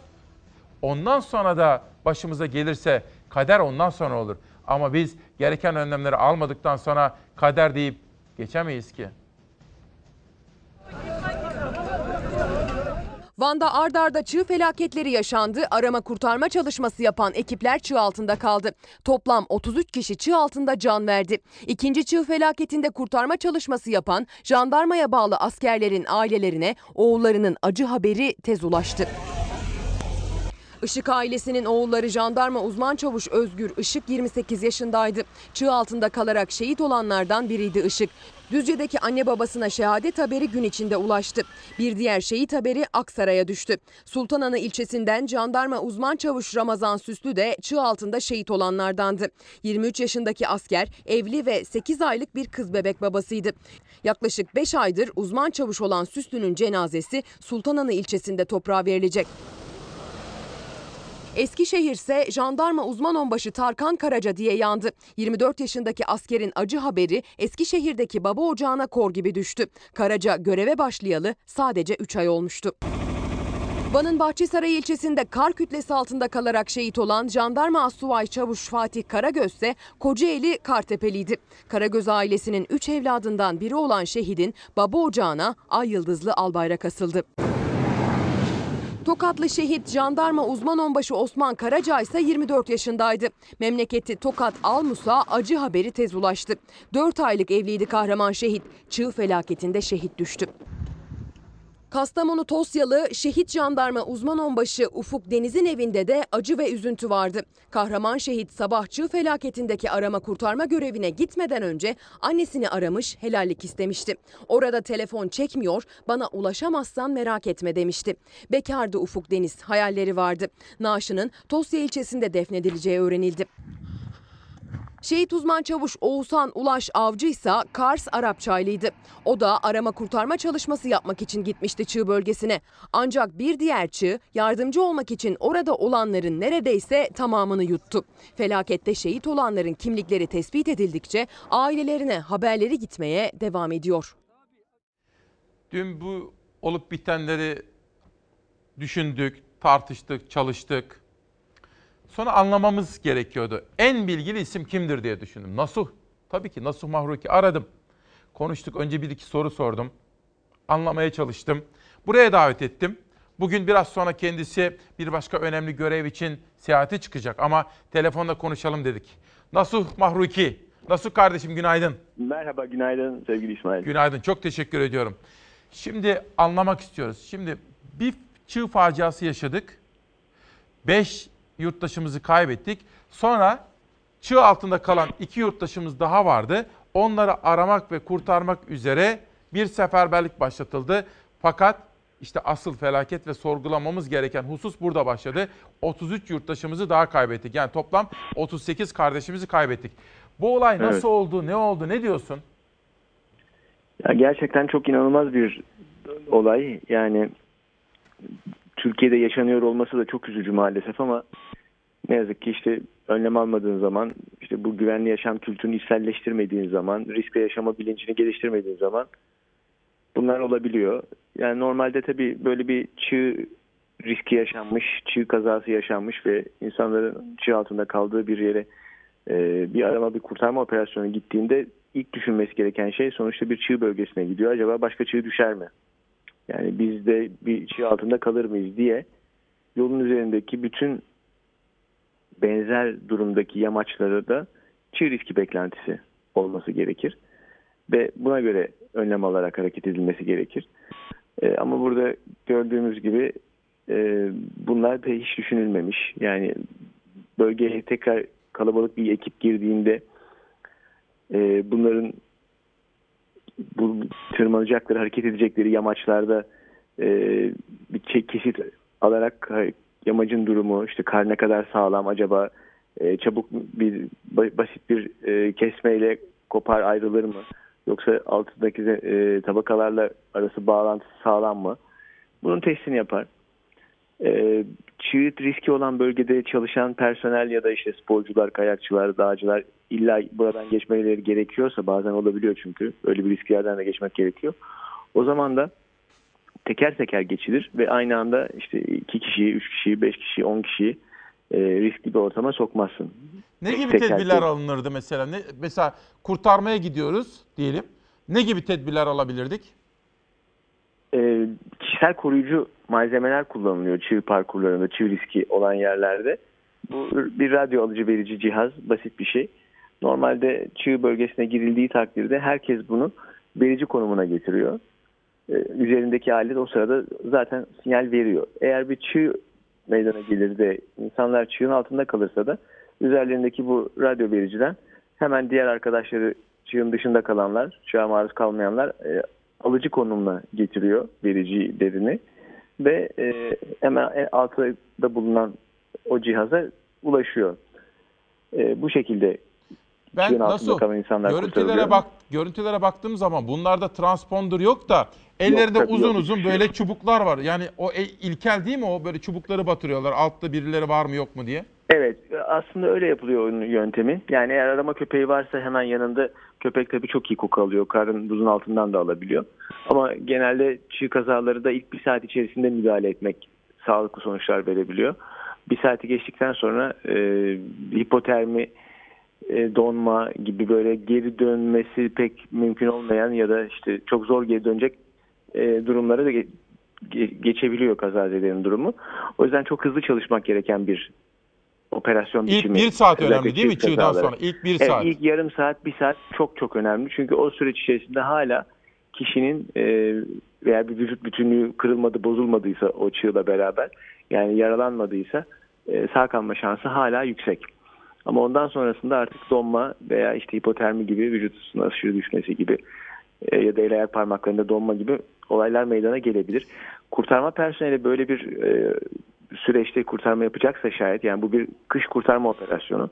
Dolayısıyla kış tacılığı konusunda hem donanımlı hem e, deneyimli birikimli olması gerekir. Hem de e, kıyafetlerinin de buna uygun olması gerekir. Mesela e, dağda uzun süre e, kalmak, performans göstermek gerekiyorsa soğuk ortamda mutlaka plastik ayakkabı gerekir. Yani içinde ayrı bir mesi olan, dış, dış katmanı plastik olan ve e, dışarıdaki soğuk ortamdan kişiyi daha uzun süre koruyacak, sıcak tutacak ayakkabılar.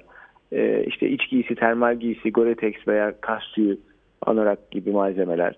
E, eldiveninden beresine bütün gerekli koruyucu malzemeler e, bulunması gerekir. Kışın operasyon Nasıl? yapacak Şimdi- kişilerde. E, bir gün gazetesi manşette diyor ki birinci çığ için bir şey demiyoruz. Bak hani için 5 yurttaşımızı kaybettik. O gelmiş, Hı hı. olmuş. Nereden geldiği bilinmiyor. Ama dur önce onu bir sorayım. Türkiye'de çığ parkurları biliniyor mu tam olarak? Nerede çığ Aslında çıkabilir biliniyor Tabii mu? ki biliniyor. Bilinmemesi mümkün mü? Sonuçta Türkiye e, çok uzun zamandır bu konularda genel müdürlüğü olan işte Afet İşleri Genel Müdürlüğü vardı. E, Vardı. Genel Müdürlüğü vardı. Evet onların hepsi şimdi birleştirildi. AFAD dönüştürüldü. E, AFAD'ın bünyesinde toplandı konuda pek çok e, bilgi. Ama e, işte orada da mesela bu olayda da gördüğümüz gibi e, kimse hani burada bir çığ riski olacağını öngörmüyor. Hatta iki, insanlar ölüyor. ikinci kez de olacağını da öngörmüyor. İşte bu Yani hata bu. tabii- İkinci ikinci kez de ben bu buna yanıyorum. Nasıl ikinci de hata. nasıl olabilir? Yani sonuçta o bölge insanı zaten yüzlerce, binlerce yıldır orada yaşıyor ve oradaki kış şartlarını biliyor. Türkiye'nin belli bölgelerinde kışın işte 3 ay yollar kapalı olur bazı yerlerde. Ee, sıkıntılı olur ulaşım işte çığ riski olabilir. Bunları hep öngörerek hareket etmek gerekir. Yani çığ riski olan yere bu kadar kalabalık insan girmez. Girmesi gerektiği takdirde de mutlaka üzerlerinde ikinci bir çığ meydana geldiğinde kendilerini çığın altından kurtarmalarını sağlayacak, kolay bulunmalarını sağlayacak e, radyo verici cihazlar veya çığ kaytanı denilen basit bir ip gibi bir düzenekle hareket ederler ki böyle bir olay meydana geldiğinde ekip arkadaşları onları en kolay en hızlı şekilde bulabilsin diye. Nasıl çok teşekkür ediyorum. Hep şunu söylüyorum. Yani tabii bir taraftan şunu sorguluyorum. Siz ve sizin gibiler, eski kurumlarımız, onlar nerede? Onlardan neden faydalanılmıyor? Bu hep benim kafamdaki bir soru. Bir de hep ne diyorum biliyor musun? Allah muhafaza ama bu deprem geldi biz ne yapacağız nasıl ya? Büyük İstanbul depremi geldi ne yapacağız? Ya İstanbul depremi çok daha büyük bir problem maalesef. E, çünkü işte bütün bilim insanları biliyorsun 7'den büyük bir deprem bekleniyor. 30 yıl içerisinde artı eksi birkaç yıl hata olur payıyla diye. Ve her senede %2,5 civarında artıyor bu depremin e, meydana gelme olasılığı. E, böyle bir ülkede işte 48 bin 50 bin binanın yıkılacağı bekleniyor. Yapılması gereken en önemli şey bu 48 bin binanın tespit edilip orada insanların e, bu işte yıkılacak tabut binalardan kurtarılması en önemli konu bu aslında. Peki. Yani hep, hep önlem almak kültürü yani zarar azaltıcı tedbirleri düşünmek, önlem almak. Yani olay meydana gelmeden önce meydana geldiği takdirde en az zararla buradan nasıl çıkarızın hesabını yapmak ve bütün kaynakları buna göre kullanmak. Ve tabii ki ehliyeti ve liyakatli personelle hareket etmek. Ve tabii ki e, kıyafeti, donanımı, tecrübesi, birikimi böyle bir operasyonun altından kalkmaya müsait olanlarla hareket etmek.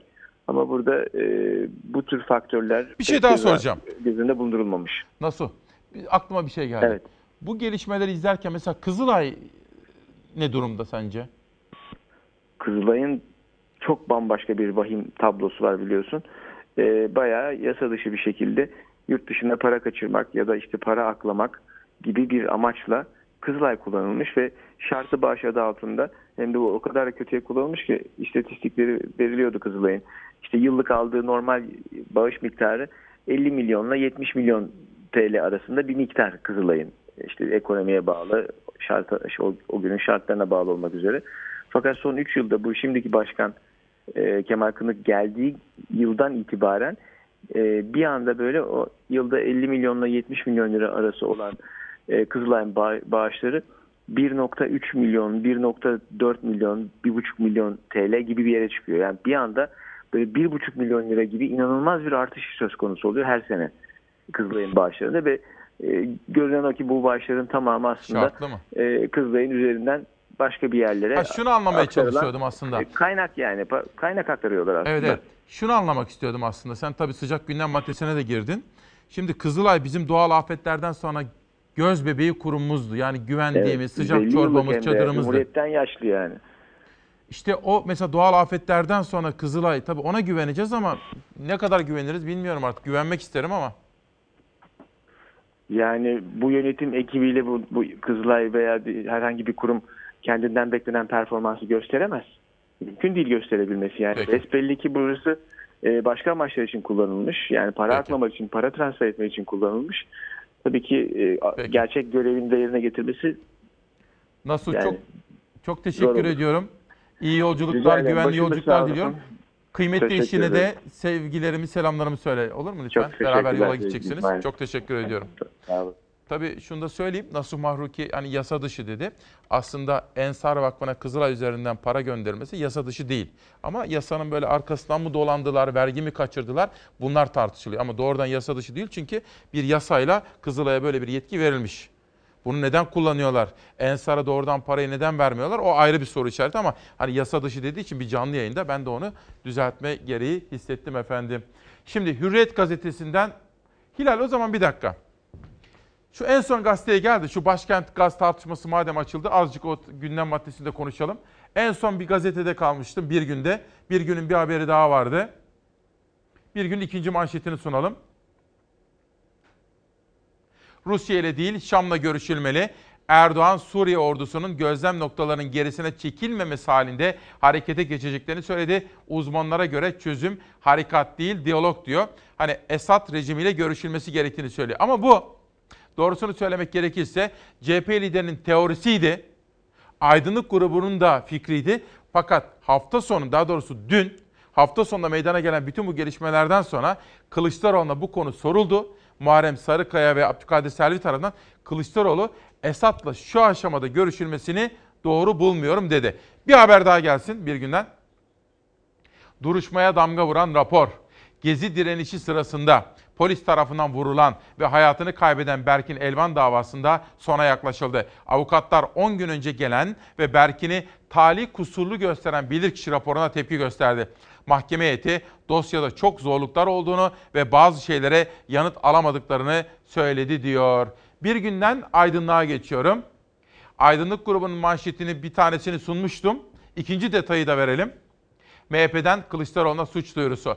MHP, CHP Genel Başkanı Kılıçdaroğlu hakkında Ankara Cumhuriyet Başsavcılığına suç duyurusunda bulundu. MHP Genel Başkan Yardımcısı Fethi Yıldız, Kılıçdaroğlu'nun terör örgütü propagandası yaptığını söyledi. Kılıçdaroğlu'nun terör suçuna mahkum olmasına rağmen HDP'li Selahattin Demirtaş'ı övdüğünü belirten Yıldız, Kılıçdaroğlu YPG kendi vatanını koruyan çocuklardır diyerek onları kurtuluş savaşçısı gibi görerek terör örgütü propagandası yapmıştır dedi. Gördüğünüz gibi Cumhur İttifakı'nda ortak MHP, ana muhalefet lideri CHP'nin genel başkanı Kılıçdaroğlu hakkında böylesine bir suç duyurusunda bulunduğu günün en çarpıcı siyasi gelişmelerinden biriydi. Bugün ulusal gazetelerin arasına bir yerel gazete aldım. Son söz Ankara'dan. Af yasası yakında meclise geliyor. Adalet Bakanı tabii bütün bu gürültünün arasında yok oldu. Duyulmadı sesi ama ben bunu önemsediğim için sizlere aktarmak istedim. Çünkü her sabah bizimle birlikte olan çok sayıda izleyenimiz de bu konuda sorular soruyorlar. Adalet Bakanı Gül ceza infaz düzenlemesi yakın zamanda meclise gelecek. Uzun zamandır zaten çalışılıyor. Bu konuda son kararı elbet meclis verecek dedi efendim. Peki başkent gaz tartışması Kızılay, Kızılay üzerinden Ensar'a aktarılan 8 milyon dolar ve Manhattan'da yapılımı devam eden inşaat. Başkent Gaz bu parayı doğrudan Ensar Vakfı'na da yapsa, Kızılay'a da yapsa devlete verdiği vergide bir değişiklik olmamaktadır. Aklımızda alay etmeyecek bir kişi. Bu firma neden doğrudan Ensar'a değil de Kızılay'a yollayıp iki gün sonra bu parayı Ensar'a aktartılıyor? Buna bir mantıklı açıklama getirebiliyor musun? Hayır. Kızılay mağdur coğrafyalardadır. Kızılay Türkiye'nin bir kurumudur. İnanılmaz bir saadet zinciri kurulmuş. Bu Kızılay'ın başındaki kişinin nesini savunuyorsunuz Allah aşkına? Vergi kaçırmak ve vergiden kaçınmak. Demek ki bu ifadeyi de sahipleniyorsunuz o zaman. Burada çıkıp Bu rezilliği savunmak meclisin aklıyla alay etmektir. Herkes pozisyonunu doğru belirlesin. Başkent Gaz'dan Kızılay'a, Kızılay'dan Ensar Vakfı'na, oradan da Amerika'daki Türkan Vakfı'na giden 8 milyon dolarlık bağışın kavgasında Kızılay'ın vergi savunması muhalefeti kızdırdı. CHP'li Özgür Özel, Kızılay üzerinden ya da doğrudan Ensar'a bağış yapılsa da vergi fark etmeyecekti savunmasına itiraz etti. Bu şirketin gayrimenkul yatırım ortaklarına dönüştürülmek suretiyle vergiden muaf yapmaya çalışılıp namuslu vatansever maliyecilerin engel olduğu için o kısım faaliyetleri vergiye tabidir yazısından sonra dönüp bu sefer Kızılay üzerinden Ensar'a bağış. Şirketin Kızılay'a yaptığı bağışlar o yılki vergi matrahının %5'inden daha düşük bir oran olduğundan devlete ödediği vergide de bir indirim olmamıştır. Kızılay'ın açıklaması bundan ibaret. Başlı başına ahlaksızlıktır. İktidar bu konuda bu adamı savunmaya devam etmesin. Kızılay bağışçıların niyetlerini sorgulamaz. Kızılay gelip de diyor mu 70 kat gelirimiz arttı. Artık her fakir aile haftada bir kere Kızılay'dan kavurma yiyor. Var mı böyle bir şey? Kızılay aktivitesi yok. Nerede var? Yalı kiralamada var. Uçak kiralamada var. İstismarla Kızılay'ı töhmet altında bırakacak yaklaşım doğru değildir. İstismardan söz edeceksek Kızılay'ın başındaki zat her türlü istismarı yapan kişidir. Muhalefet Kızılay Başkanı Kerem Kınık için istifa çağrılarını bu kez Meclis Genel Kurulu'ndan yaptı. Çağrıyı Kerem Kınık tutuklanmalı, savcılar soruşturma açmalı diyerek bir adım daha öteye taşıyan Cumhur İttifakı ortağı MHP'den Cemal Enginyurt bu kez Kızılay Başkanı'nın maaşına tepki gösterdi. Bizim maaşımız 24 bin lira. Kızılay Başkanı'nın maaşı 30 bin lira. Kendi aracımızın mazotunu, şoförümüzün parasını biz veriyoruz. Kızılay Başkanı'nın maaşı kaç liraysa hesabını o versin. Meclisin yine en sıcak başlığı 8 milyon dolarlık bağış oldu. 6 Şubat 2020 günlerden Perşembe İsmail Küçükkaya ile Hakikat Yolculuğundasınız efendim. İnsan hayatı değerlidir. Bugünkü manşetimiz bu ve şu anda sosyal medyada en çok konuşulan bu. Bir taraftan deprem yani Malatya ve Elazığ. Bir taraftan Van, Çığ, ihmaller zinciri. Bir taraftan Sabiha Gökçen, o uçak kazası ve felaketin eşiğinden dönmemiz, sistem sorgulaması. Bir taraftan Ensar Vakfı'na Kızılay üzerinden aktarılan paralar yine bir sistem sorgulaması. Ekonomi, üreten Türkiye. Bu konuda da haberlerim var. Bu arada Türk Hava Yolları, Türk Hava Yolları'nın yetkilisi Yahya Üstün bir mesaj yolladı. Türk Hava Yolları olarak yaşanan olaydan, Sabiha Gökçen'de Pegasus'un yaşadığı olaydan duyduğumuz derin üzüntüyle hayatını kaybeden vatandaşlarımıza Allah'tan rahmet, yakınlarına başsağlığı dileriz. Pegasus ailesine de geçmiş olsun diyoruz diyor Yahya Üstün Türk Hava Yolları adına bir acıyı ve zorluğu paylaşıyorlar efendim. Ama sistem sorgulaması ben sabah Savaş Yıldız kardeşime dedim ki Savaş bu üçü bu üç tweet'i önemli. Çünkü Ezgi Başaran'ın vardı. İsmail Saymaz'ın vardı. Bir tane daha vardı. Üç mesaj. Hilal hazır mı onlar? Peki. Sibel Kuyumcu. Kore'de ilkbahar. Bu kitaplar da Çalar Saat ailesine imzalı olarak gelen kitaplar. Şöyle gösterelim sizlere. Arkadaşı kitabı göremiyor muyuz? Niye veremiyoruz? Ne oldu sistem? Başka bir yere mi bakacağız? Toplum çevirmenliği kuramdan uygulamaya Doktor Coşkun Doğan. Bu kitaplar Çalarsat ailesi tarafından yazılan, imzalanan ve bize gönderilen kitaplar efendim. Onları da sizlere henüz okumadan böyle tanıtma imkanı buluyorum. Ama okuduğum kitaplar mesela Murat Anmungan, biraz sonra Murat Anmungan'dan bazı alıntılar yapacağım bugün. Bunlar da okuduğum kitaplar. Onlardan küçük küçük özetleri sizlere sunuyorum. Ezgi Başaran, ne düştüğümüz mahkemeye, ne gittiğimiz doktora, ne apartmandan çatılmış üniversiteye, ne uçtuğumuz havaalanına, ne verdiğimiz kana gram güvenimiz kalmadı. 1839'dan beri ite kaka çarpık çurpuk da olsa çakılan modern kurumlar bir bir çökertildi. Yani kurumlarımızın yapısının erozyona uğradığını söylüyor Ezgi Başaran. Kendisini çaresiz hissediyormuş. İsmail Saymaz, bilim insanları aylar önceden uyardığı halde Elazığ depreminde 41 can gitti. Van'da çığ altında kalanları kurtarırken 38 insan daha kaybettik. İstanbul'da uçak pistten çıktı. Yaralıları otobüsle taşıdık. Kaza mahalline yardıma giden polislerimiz kanala düştü. 5 polisimiz yaralandı. Allah'a emanetiz diyor bakın. Ve yine bir başka gazeteci Özlem Gürses. Çok üzgünüm. Yine kabus gibi bir günü geride bıraktık. Önce çığ, sonra uçak kazası. İnsan hayatından daha değerli hiçbir şey yok. Bu hepimizi esir alan çirkin kutuplaşma, çözüm üretmeyen siyaset hepsi yalan diyor. Efendim sizler de düşünün. İnsan hayatı değerlidir diyoruz ya. Boş bir laf değil, bir klişe değil bu. İnsan hayatı değerlidir. Mesele insan hayatını her şeyden, paradan puldan yukarıda görmek ve onu hissettirmektir.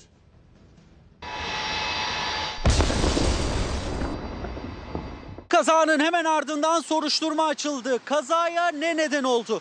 Bu çok önemli bir soru. Olayın meydana geliş nedenlerinin tespiti için geniş kapsamlı soruşturma başlatılmıştır. İzmir-İstanbul seferini yapan uçak iniş sırasında pistten çıktı, kırıma uğradı, parçalandı, üçe bölündü.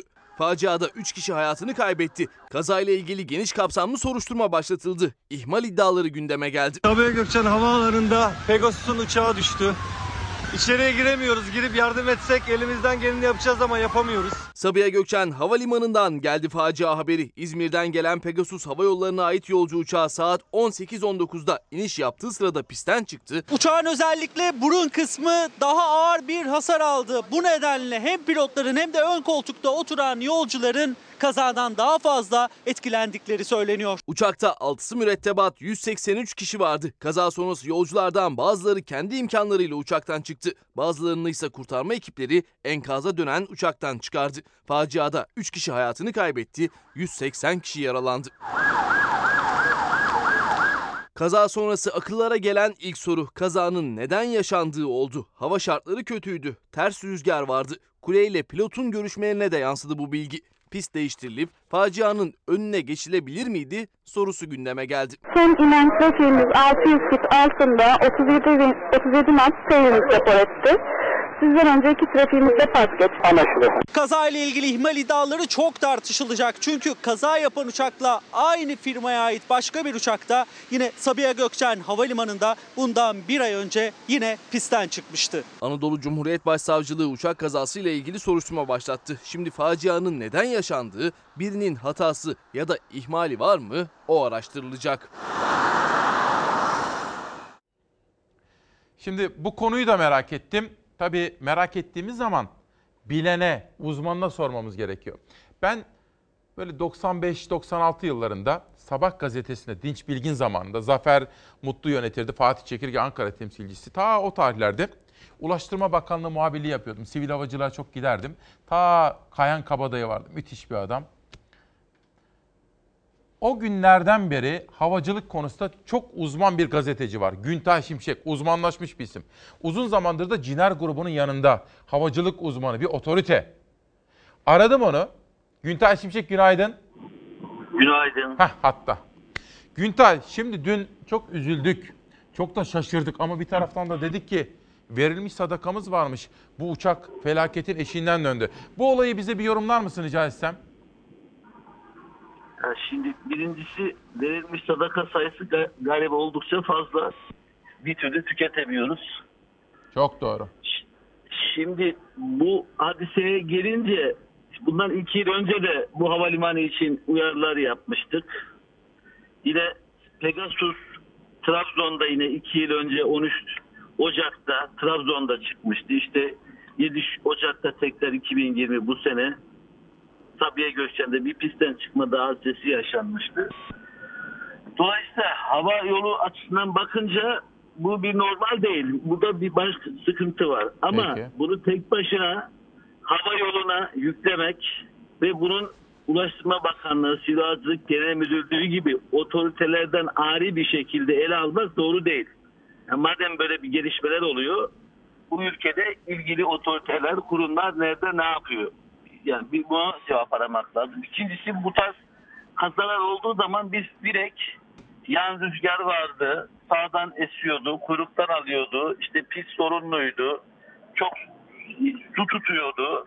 Tek pist olduğu için bakımı iyi yapılamıyordu. Dünyanın en büyük havalimanını 4 yılda yaptık ama 5 yılda halen daha bir pisti yapamadık gibi makul mantıklı sorular da sorabiliriz ama sadece uçak olduğunda rüzgara, piste odaklanmak da doğru değil. Bu neticede bir insan kaynağı yönetimi. O kokpite iki pilot nasıl koyuldu? Hangi bir e, eğitim çalışması, ekip planlamasıyla yerleştirildi. Kokpittekilerin toplam tecrübesi ne kadardı? Tabii. Bun- Bunlar ne kadar denetlendi? Buralara bakacağız. Dönüp kuledeki hava trafik kontrolörünün madem kuyruk rüzgarı çok yüksekti, ondan önceki uçakta pas geçtiyse sen bundan sonraki uçakları niye indiriyorsun? Çok doğru. Senin yetki ve sorumluluğun nerede başlayıp nerede biter? Çünkü limitler içinde olduğu zaman pilota bırakıyorsunuz o kararını veriyor. Ama limitlerin üzerine çıktığı an mesela Atatürk Havalimanı'nda bu Ataköy tarafından Florya'ya doğru olan pistte öyle anlatayım daha iyi anlaşılır. Evet, evet. Kısa pisttir.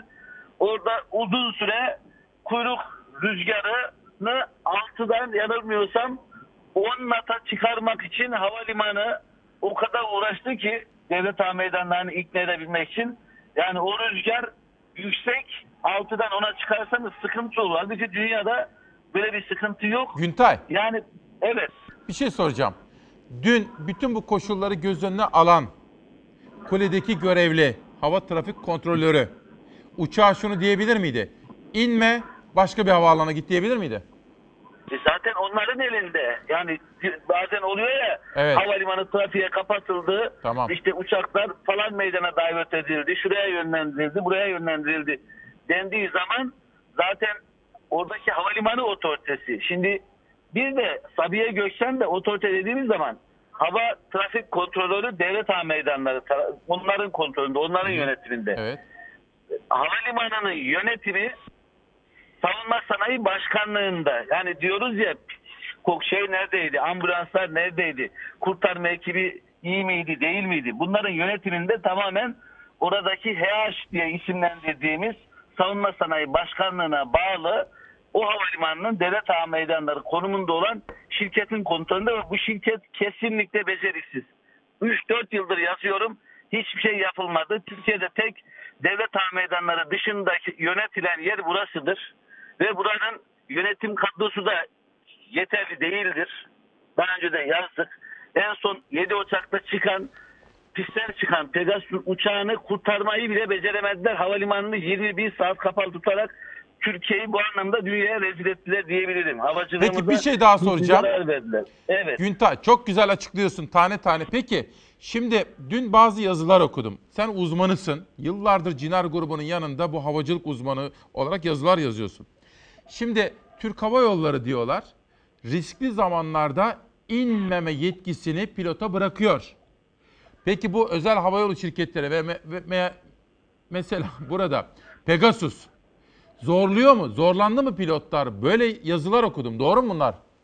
Şimdi biraz Pegasus'un ticari kaygılarını güvenlik kaygılarıyla paralel tuttuğuna dair eleştiriler yapılıyor.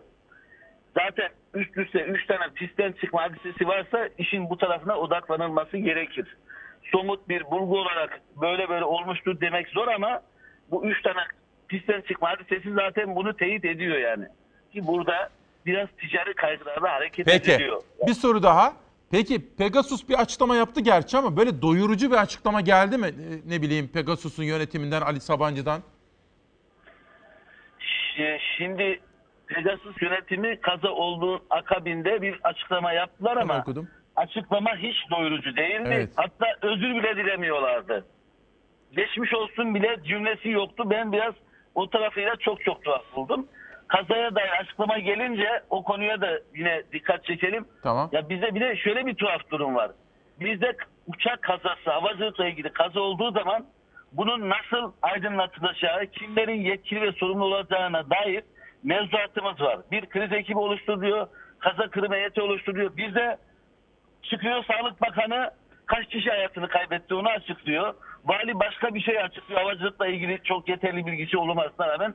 Halbuki burada Ulaştırma Bakanlığı'nın kriz masası olması lazım. Bütün bilgileri kriz masasının kamuoyuna anlatması, paylaşması gerekir. Burada bir de çok kazadan sonra gelişen süreci yönetememek gibi bir sorun Peki. ortaya çıktı. Bir soru Onu daha. Bir soru daha. Şimdi Hilal bir video verdik sabah. Bir dakikalık bir videomuz var. Ulaştırma Bakanı diyor ki Güntay.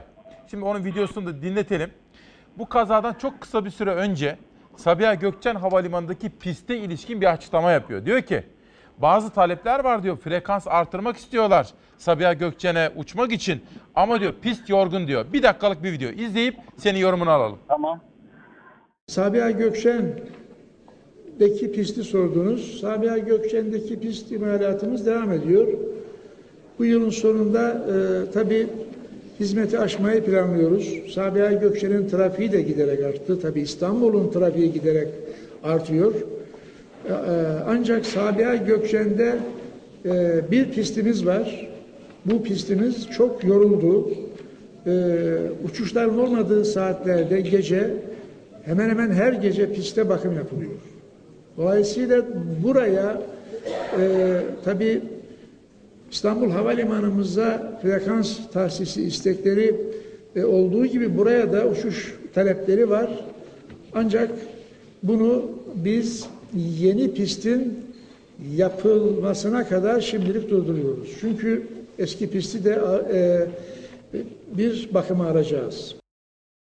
Ve Ciner grubunun havacılık uzmanı 30 yıla yakındır havacılık konularında yazan Güntay Şimşek'e soralım. Güntay şimdi havacılık, hava yolu dünyanın en güvenli hava yani taşımacılık sistemi değil mi? Dünyanın en çünkü sistemi var. Yani onda insan hatalarını hemen hemen sıfıra indirecek bir sistem meselesi. Bunu, bunu nasıl yorumlayacağız şimdi?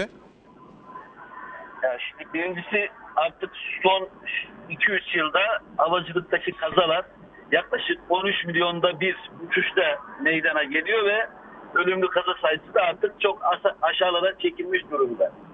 Şimdi bizim pist konusuna gelirsek Sabiha Gökçen'deki de. Evet. Sabiha Gökçen'deki ikinci pisti takip etmekten yoruldum. Kaç sefer konuşuyoruz genel müdürlerle, yetkililerle falan tarihte bitecek. Ondan sonra ikinci, diğer pist bakım alınacak ve artık yorulduk. Deniyor ya şimdi bakan planlanıyor 2020'nin sonunda. Ya bu kaç sefer o 2019'un başına planlanmıştı, sonuna planlandı. 2020'nin başına hep öteleniyor. Dünyanın en büyük havalimanlarından birisini yapan bir kurum, devlet hava meydanları işletmesi buradaki pistinde koordinasyonunu yapıyor ve bir pisti bitirilemiyor. Bunun izah edilebilir, makul, mantıklı hiçbir gerekçesi olduğunu düşünmüyorum. Altını çiziyorum. Bu kazada bu pistin gecikmesinin de rolü var. Yani kesinlikle idarenin de rolü var diye net söyleyebiliriz. Peki. Bu bir. İkincisi madem pist yorgun, Bakan Bey bunun altını çiziyor. O zaman yani yorgun demekte mi geçiştireceğiz yoksa da bir an önce onu ikame edecek diğer pisti bitirmek mi lazım? Oraya dikkat çekmek lazım. Ben iki yıl önce Sabiha Gökçen'de kaza bağıra, kaza geliyor, bağıra bağıra geliyor diye pisti göstererek yazdım. Onun akabinde konuşmuştuk. 6 ay sonra bitecekti. Halen daha bitmiyor. Dolayısıyla Olmuyor. burada idarenin de toptan bir sıkıntısı, bakış açısında sorunu var. Yani Güntay, bir soru daha. yönetimimizde sorun var. Evet. Seni bulmuşken Atatürk Havalimanı kapattık biz bunu. Yani böyle geçenlerde bir Ekrem İmamoğlu ile konuşmuştum. Diyor ki Atatürk Havalimanı şu anda anahtarı çevirsen çalışacak durumda 3 milyar euroluk teçhizat ve sistem duruyor orada diyor. Doğru mu bu?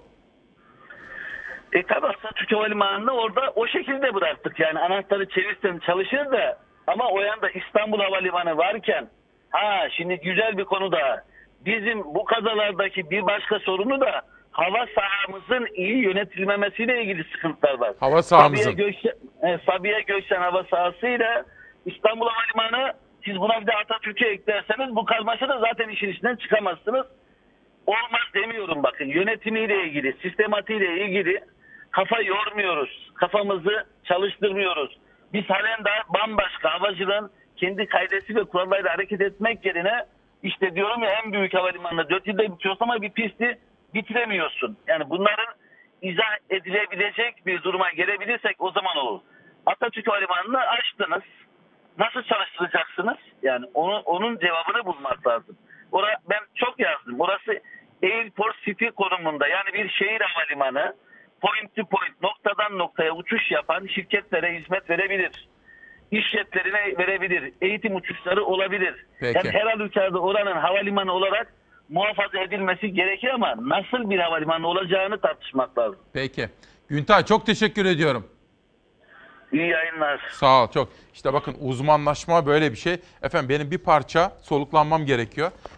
Şöyle gündeme devam edeceğim çünkü çok yoğun bir gündem bizi bekliyor. İşte böyle sürprizlerle dolu bir sabah ama izin verirseniz iki kitap tanıtım yapacağım. Murat Anmungan'dan bir alıntı. Sonra gideceğim bir parça soluklanıp editörümle konuşup danışmanım Nihal Kemaloğlu ile konuşup huzurlarınıza geri geleceğim yepyeni haberler için. Zeynep isimli bir kitap işte yeni geldi imzalı. Bir kadının yüreğinden Arife Bozoklu ve Murat Anmungan. Şubat kısadır ya.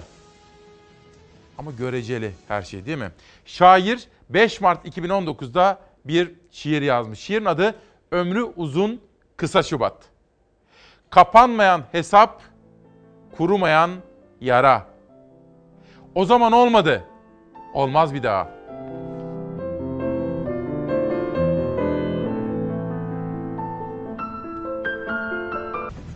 Bugün insan hayatı değerlidir dedik. Çünkü uyandığımız her sabah bu gerçeği hatırlamamız gerekiyor. İnsan hayatı değerlidir. Biricik hayatımız var ve hakkını vermemiz gerekiyor.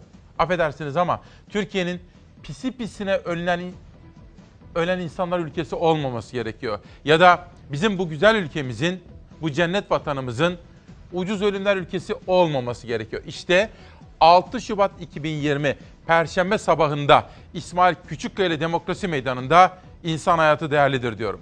Savaş Yıldız kardeşim şu andan itibaren yönetmen koltuğunda ve bu sabah Çalar gazetesinde neler var onu da sizlere bir sunmak istiyorum. İşte yaşadığımız olaylar Çalar Saat gazetesi arkadaşlar. Çalar Saat gazetesinde bu sabah bir deprem felaketini Elazığ düşündük. Çığ felaketini Van'ı düşündük.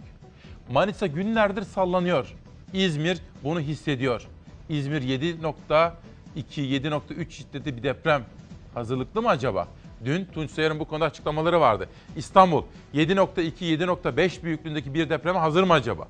Bunun dışında Sabiha Gökçen'e inen o uçak felaketin eşiğinden döndük ama sistemi sorgulamamız gerekiyor. İşte Çalar Saat.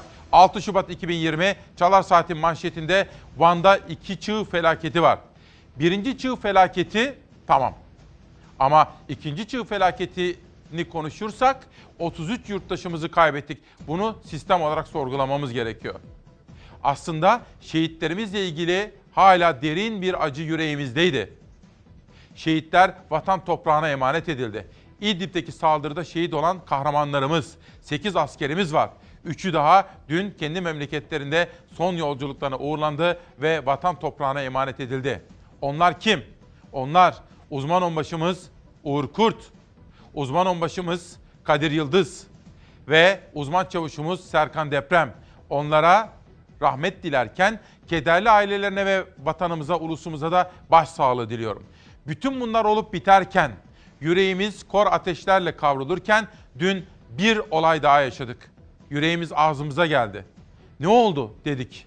Sabiha Gökçen'de bir uçak indi fakat sert bir iniş yaptığı söylendi ve pistten çıktı.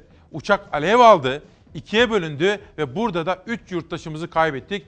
Çok sayıda da yaralımız var efendim. İşte böylesine bir günde ben de sabah dedim ki Çalar Saat ailesi olarak iktidarıyla muhalefetiyle herkesi şunu hatırlatmamız gerekiyor. Arkadaş, insan hayatı değerlidir.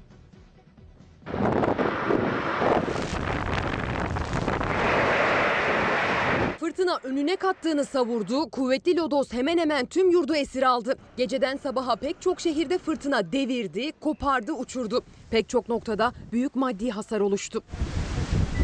Bugün iç kesimlerde, Ege'de, Akdeniz'de, Karadeniz'de ve yurdun doğusunda fırtına devam edecek. Gece saatlerinde ise fırtınanın en büyük hasar bıraktığı şehirlerden biri Kayseri oldu. Kayseri'de bir cami fırtınada hasar aldı, pek çok evin çatısı uçtu. Park halindeki araçlar uçan çatılar nedeniyle büyük maddi hasar gördü. Fırtınayla yer yerinden oynayan Kayseri'de ağaçlar da kökünden söküldü, reklam panoları devrildi. Neyse ki can kaybı veya yaralanma yaşanmadı. Ancak maddi hasar büyük. Gece saatlerinde başkent Ankara'da da lodos fırtınası ortalığı birbirine kattı. Ağaçlar devrildi, çatılar uçtu. Fırtınayla geceyi yüreği ağzında geçiren Ankara'da sabaha karşı kar yağışı başladı. Başkentte bugün öğle saatlerine kadar kar devam edecek. Öğleden sonra karla karışık yağmura dönecek yağışların cuma günü havanın daha da soğumasıyla yeniden kar şeklinde düşmesi bekleniyor. Yurdun batısında da etkili oldu lodos fırtınası. Balıkesir'e bağlı Ayvalık ve Burhaniye'de fırtına şiddetliydi. Ağaçlar devrildi. Marina'da bağlı tekneler hasar aldı. Burhaniye ilçesinde fırtınayla kopan çatı yola uçtu. O sırada yoldan geçen olmaması olası faciayı önledi.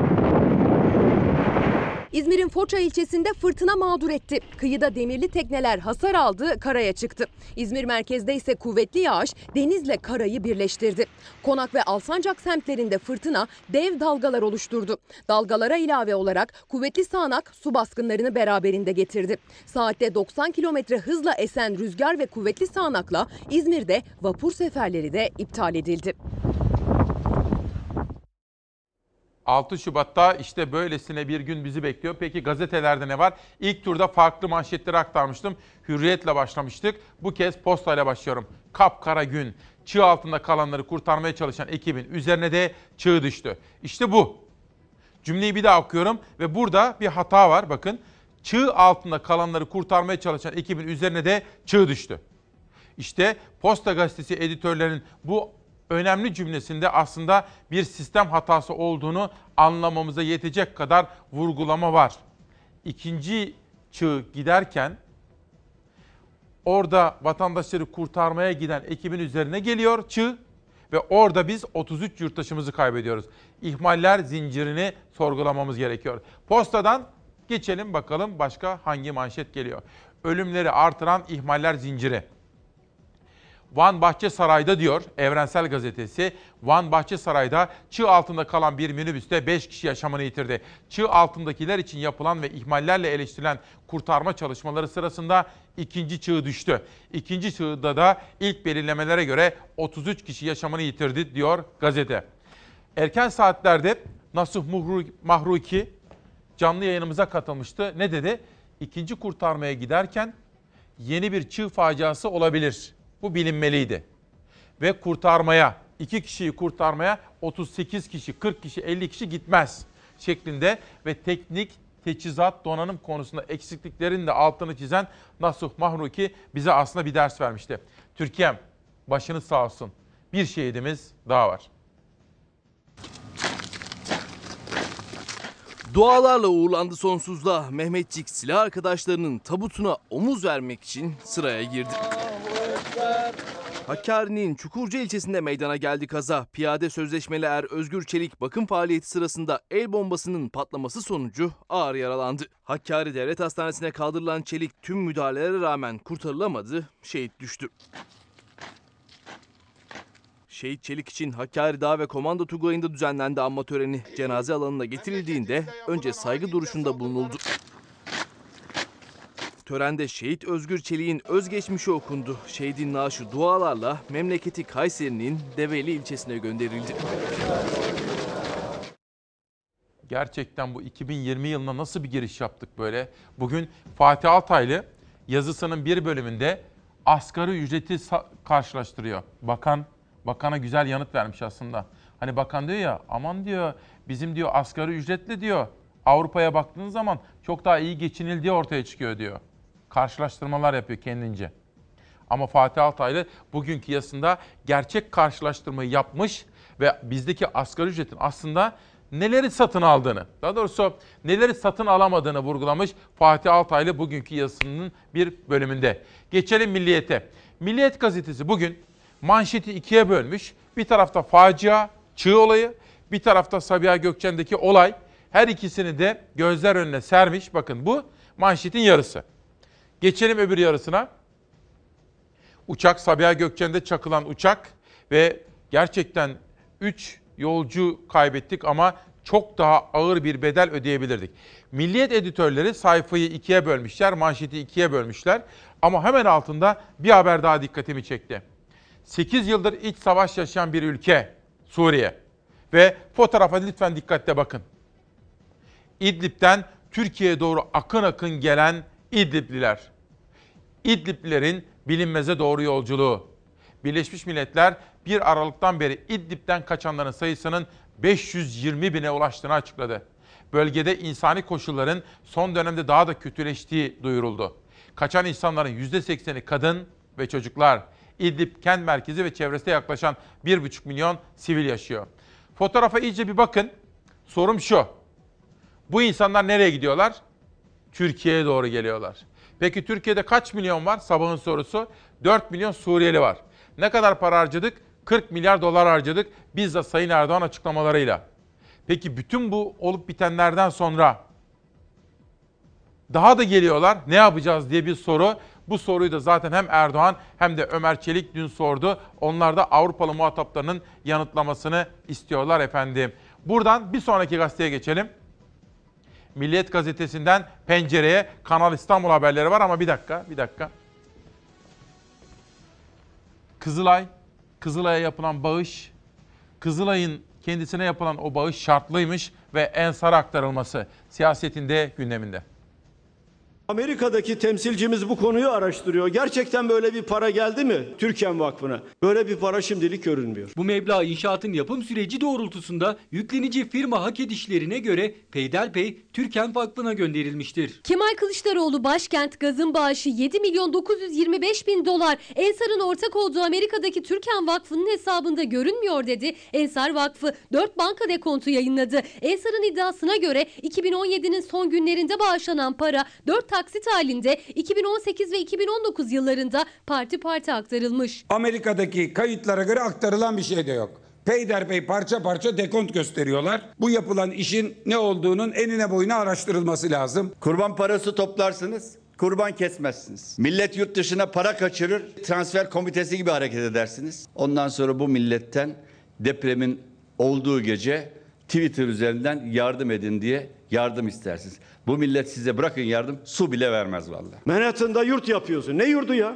Sen milleti mi kandırıyorsun? Kamuoyunun vergi kaybı varsa bunun telafi edilmesi gerekir. Şık olmadı. Bu tartışmalar iktidardan çok Kızılay'a zarar veriyor. İki haftadır başkent gaz, Kızılay, Ensar, Türkan bağış ilişkisi her gün muhalefetin gündeminde. İlk duyulduğunda AK Parti sözcüsü iddia demişti. İddialarla uğraşırsak bir günde saçma sapan belli olduğu belli olan bin tane iddia çıkıyor. Bana iddia sormayın. Kızılay Başkanı Kerem Kınık'ın bağışı vergiden kaçırma değil kaçınma olarak tanımlamasından sonra AK Parti'nin iddia dediği bağış trafiği farklı bir boyut kazandı. Cumhurbaşkanının çocuklarının kurucusu olduğu vakfa kadar uzandı. Ömer Çelik bu kez bağışçıyı Kızılay'ı andı, bağışı alanı anmadı. Bağışçıyla Kızılay arasında bir mesele. Kızılay'ın açıklamaları ve bağışçıların açıklamalarının üstüne şu anda ekleyeceğim herhangi bir şey yok. Kızılay aldığı parayı en kötü namlısının yurduna vermiş durumdadır. Bu büyük kara delik üzerinde konuşulması gerekirken Ömer Çelik'in her şeyi konuşup Kızılay konuşmaması da fevkalade manidardır. Mevcut yönetimin bir an önce oradan çekilmesi gerekiyor. İktidarın da elini Kızılay'ın üzerinden çekmesi gerekiyor. Yoksa AK Partililerin yardım etmek durumunda kaldığı bir kuruluş haline gelir. Muhalefet bir kez daha eleştiri oklarını yöneltti. İktidar cephesi ise tartışmalara mesafe koydu. Kadir ne yapmalı peki diye soruyor bu konuda. Bence şartlı bağış kavramı değiştirilebilir. Kanun değiştirilebilir efendim. Madem bu kadar çok tartışılıyor, kaygılar var, endişeler var, eleştiriler var. Bana sormuş bu arkadaşım. Bir yasa değiştirirsin. Kızılay'a bağış mı yapacaksın? Kızılay'a yap. Ensar'a bağış mı yapmak istiyorsan Ensar'a yap.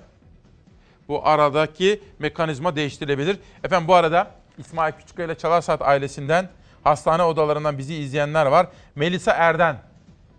Bir boşnak aileyle tanışmıştım. O şimdi Melisa Erden ameliyata girecekmiş. Kendisine de şimdiden geçmişler olsun diyelim ve buradan iyi dileklerimizi gönderelim. Pencere gazetesinde Kanal İstanbul raporu. ÇED yani çevresel etki değerlendirme olumlu kararı büyük hata diyor. Profesör Doktor Naci Görür, Profesör Doktor Derin Orhon, Profesör Doktor Mehmet Özdoğan ve Profesör Doktor İlhan Tekeli ile ODTÜ Deniz Bilimleri Enstitüsü, İTÜ Avrasya Yer Bilimleri Enstitüsü öğretim üyesi Profesör Doktor Emin Özsoy gibi bilim insanları raporun hazırlanmasında görev aldı. Raporda Kanal İstanbul projesine verilen ÇED raporunun AVM ya da yol projelerine verilen raporla aynı şekilde değerlendirilemeyeceği vurgulandı. Kanal İstanbul için dile getirilen gerekçelere tek tek yanıt verilen raporda İstanbul Boğazı'nın gemi trafiğini taşımak için yetersiz ve riskli olduğu savı geçerli değildir ifadeleri kullanıldı. Biliyorsunuz geçen hafta aralarında yani çok sayıda isim var. Tek tek bazılarını söylersem haksızlık olur. 126 emekli büyükelçi Kanal İstanbul projesi yapılırsa tarihsel kazanımımız olan Montreux Anlaşması'nın riske edilebileceğini yani tartışmaya açılabileceğini ifade etmişler ve Kanal İstanbul işine hiç bulaşmayalım demişlerdi kamuoyuna yaptıkları açıklamalarla efendim. Dün dün burada tam böyle yaklaştım size bir şey demiştim. Galiba Sonar'ın Bayrakçı'nın bir araştırması vardı. %53 Kanal İstanbul'a hayır diyen İstanbulluların oranı. Ben de demiştim ki bana itimat ediyorsanız benim edindiğim izlenim doğru ise %80'lere ulaşır. İstanbulluların Kanal İstanbul'a karşı çıkma oranı %80'lere ulaşır demiştim. Akşam saatlerinde Murat Ongun beni aradı. Ekrem İmamoğlu'nun basın baş danışmanı ve iletişim koordinatörü bazı bilgiler verdi. Yaptırdıkları bazı kamuoyu araştırmalarını tek tek bana yolladı. Tek tek isimlerini verecek durumda değilim. Okudum ama henüz gündem çok yoğun olduğu için tek tek sizlere sunmak üzere hazırlamadım. Ama söz veriyorum hazırlayacağım. Ama kabaca 3 ayrı araştırma şirketine göre %60-65 oranında İstanbullu Kanal İstanbul'a hayır diyor. Kaynak Murat Ongun'un İstanbul Büyükşehir Belediye Başkanı İletişim Koordinatörü'nün elindeki bazı e-mailler. Ama onları detaylı olarak sizlere aktarırken kaç kişiyle yapılmış, kimler katılmış, ne kadarı kadın, ne kadar erkek gibi bilgileri de vermek istiyorum efendim. Bir haber daha gelsin. Pencere gazetesinden bir haber ve Diyanet de Kanal İstanbul güzergahına girdi. Son ayların en sıcak siyasi tartışmalarından biri olan Kanal İstanbul bölgesinden arazi alma yarışına Diyanet İşleri Başkanlığı çalışanları da dahil oldu. Diyanet çalışanları Kanal İstanbul çevresine konut yapmak için kooperatif kurdu. Anka'dan yani Anka Haber Ajansı'ndan Bora Erdin'in haberine göre Ulaştırma ve Altyapı Bakanı Cahit Turan'ın bu yıl içinde ilk kazmanın vurulacağını açıkladığı projenin çevresinde konut yapmak için Diyanet İşleri Başkanlığı'na bağlı çalışanlar önce 2016'da sınırlı sorumlu Kanal İstanbul Konut Yapı Kooperatifi. Bir dakika. Burayı bir daha okuyorum. Diyanet İşleri Başkanlığı'na bağlı çalışanlar 2016'da sınırlı sorumlu Kanal İstanbul Yapı Kooperatifi isimli bir yapı kurdu. İstanbul Ticaret Odası'na kayıtlı olan kooperatif daha sonra isim değişikliğine gitti. Şirket 2017'de sınırlı sorumlu Kanal İstanbul 2023 Konut Yapı Kooperatifi adını aldı. Valla bu haberi okudum. Kaynağı var işte Anka, muhabirin ismi falan var. Yani öte dünyayı kurtarmaya çalışırken Diyanet İşleri Başkanlığı çalışanları da tıpkı Katarlar olduğu gibi bu dünyayı da kurtarmak için bir mekanizma kurmuşlar. Benim anladığım budur. Bir yapı kooperatif kurmuşlar. Kanal Kanal İstanbul. Ya adı bile bu. Sınırlı sorumlu Kanal İstanbul Yapı Kooperatifi değişikliğinde de aynı ismi korumuşlar efendim. Üretici haberlerine bakalım mı biraz? Üretici. Savaş hazır mı? Saman haberi var bir tane. Saman haber. İzleyelim. Saman krizi kapıda. 45 kuruştan hasat dönemi satılan saman şu anda 1 lira 20 kuruştan satılmaya başladı. Elindeki samanı biten besici gittiği zaman ya saman bulamıyor ya da pahalıya saman almak zorunda kalacak. Böyle olunca ilk kez saman ithal eden Adalet Kalkınma Partisi iktidarları bu kez yine saman ithal etmek zorunda kalabilir. Şu anda saman son olarak kaç liradan satılıyor? 1100-1200. Peki yem fiyatları nasıl? 80 liradan aşağı torbası yok. Peki yem böyle, saman böyle.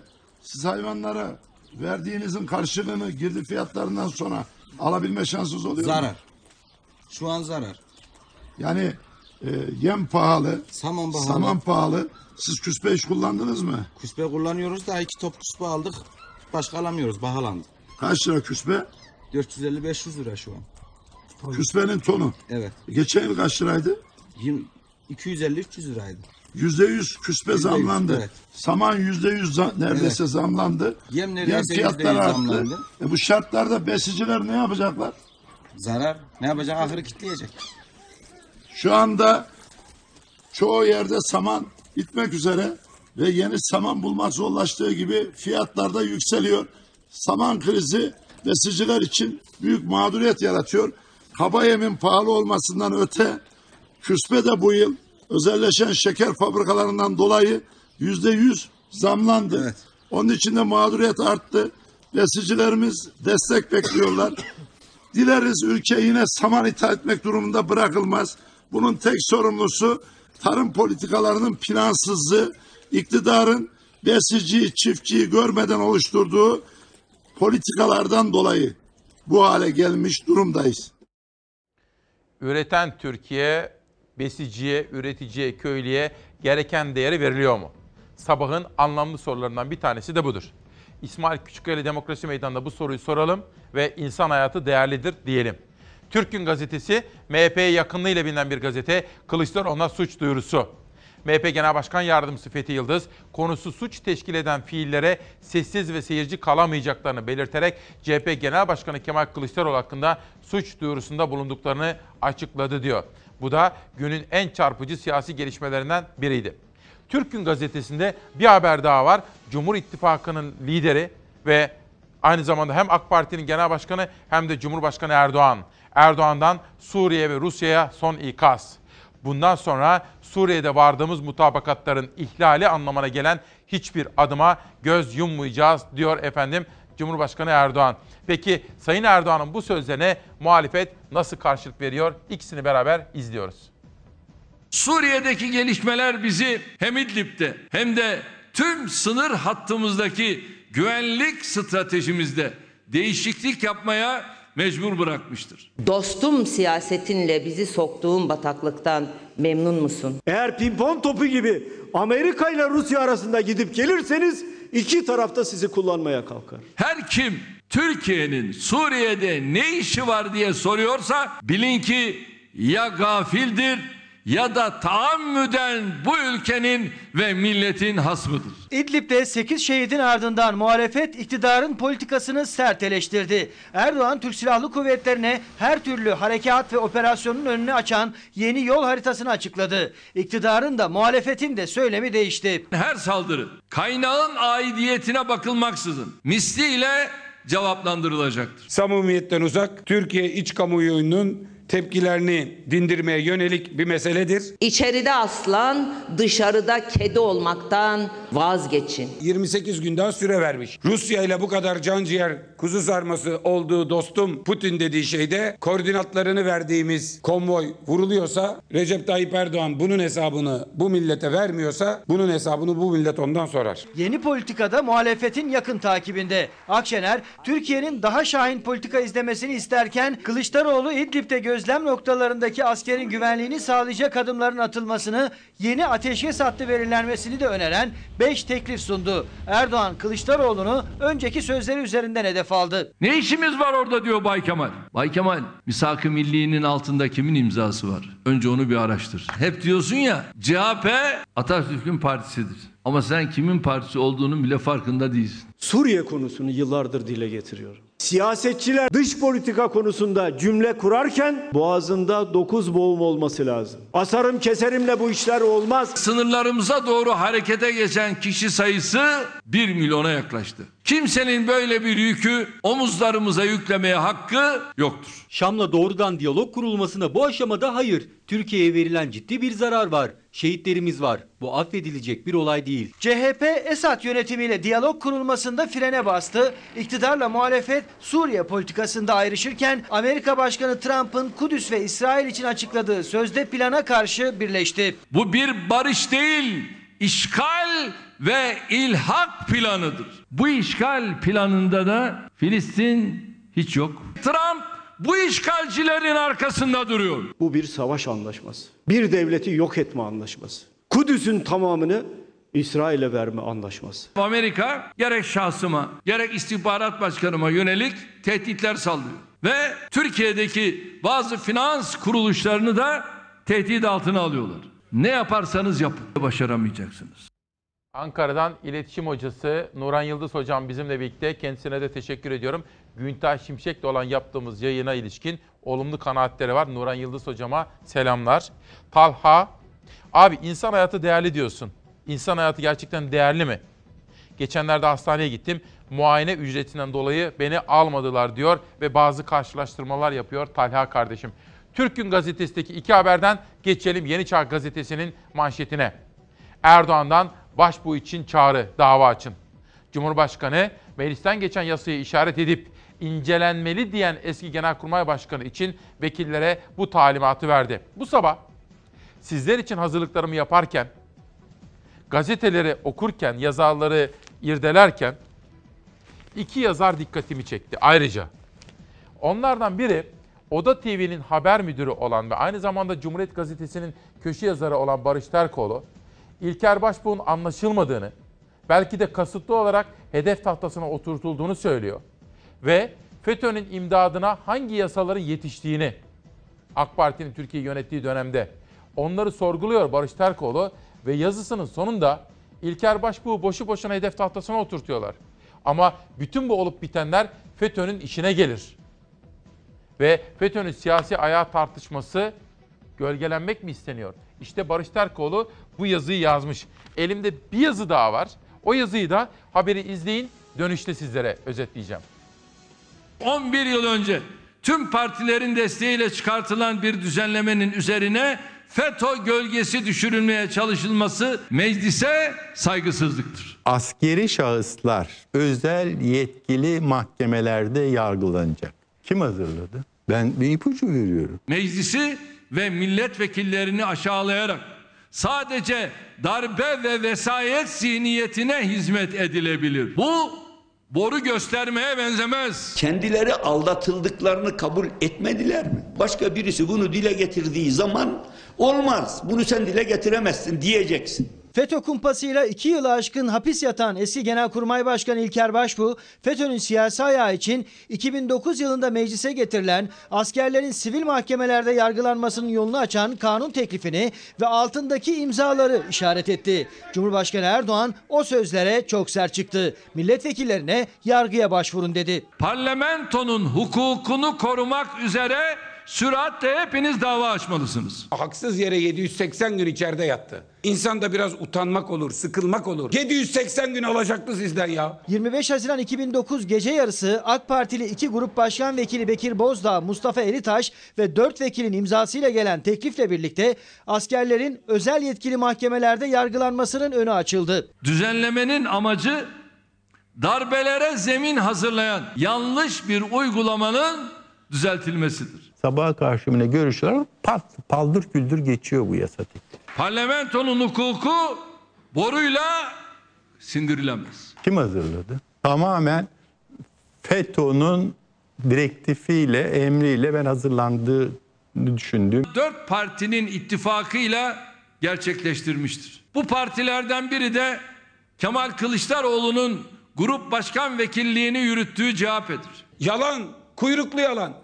Kemal Kılıçdaroğlu grup başkan vekilidir ancak nöbetçi değildir. Kanunun tümü üzerine CHP hayır oyu veriyor. Böyle bir talimatım kesinlikle olmadı. Hiç güvenilmeyen bir siyasi iktidara neden böyle bir destek vereyim ki? Cumhurbaşkanı 4 partinin imzasıyla geçti. CHP de destek verdi dedi ama o dönem CHP'nin başındaki isim olan Deniz Baykal ve CHP'li vekiller destek vermedik. Aksine iptal için Anayasa Mahkemesi'ne bile gittik dedi. Bekir Bozdağ, Mustafa Elitaş, Ahmet Aydın ve 3 milletvekili daha. Araya sokuşturulan önergede grup başkan vekillerinin imzası var. CHP'nin geçmişinde hiç şüphesiz utanacak çok işi, eylemi, söylemi vardır. Ama müsterih olsunlar. Bu konu göğüslerini gere gere savunabilecekleri bir meseledir. Kapı gibi Anayasa Mahkemesi'ne başvurumuz var. Kapı gibi o maddeyi biz bozdurmaya çalışmışız. Siz savunmuşsunuz ve korumuşsunuz. Şimdi İlker Başbuğ FETÖ konusunda Türkiye'yi ilk uyaranlardan biriydi. Türkan Saylan gibi, Kamer Genç gibi, Hablemitoğlu gibi. İlker Başbuğ'un cemaat tehlikesine dikkat çektiği ilk konuşma Genelkurmay'daydı. Ben o gün o salondaydım. Aynı tehlikeye işaret ettiği bir konuşma Maslak'taydı. Harp Akademilerinde. Ben oradaydım. Ama o tarihte bizi yönetenler sağır, dilsiz ve kör idiler. Şimdi İlker Başbuğ hedef tahtasına koyarak FETÖ'yü sevindirmeyecekler mi? İşte anlamlı bir soru. Barış Terkoğlu bu soruyu soruyor. Sizlerden gelen mesajlar TC Selda Gökgöz ne diyor bakalım? Bir dakika önce yollamış. Abi ben bu davaların savcısıyım diyen acaba ben miydim diye bir soru soruyor. Haklı bir soru ama daha sonra Sayın Erdoğan ne dedi? Allah affetsin dedi efendim. O da öyle bir açıklama yaptı biliyorsunuz.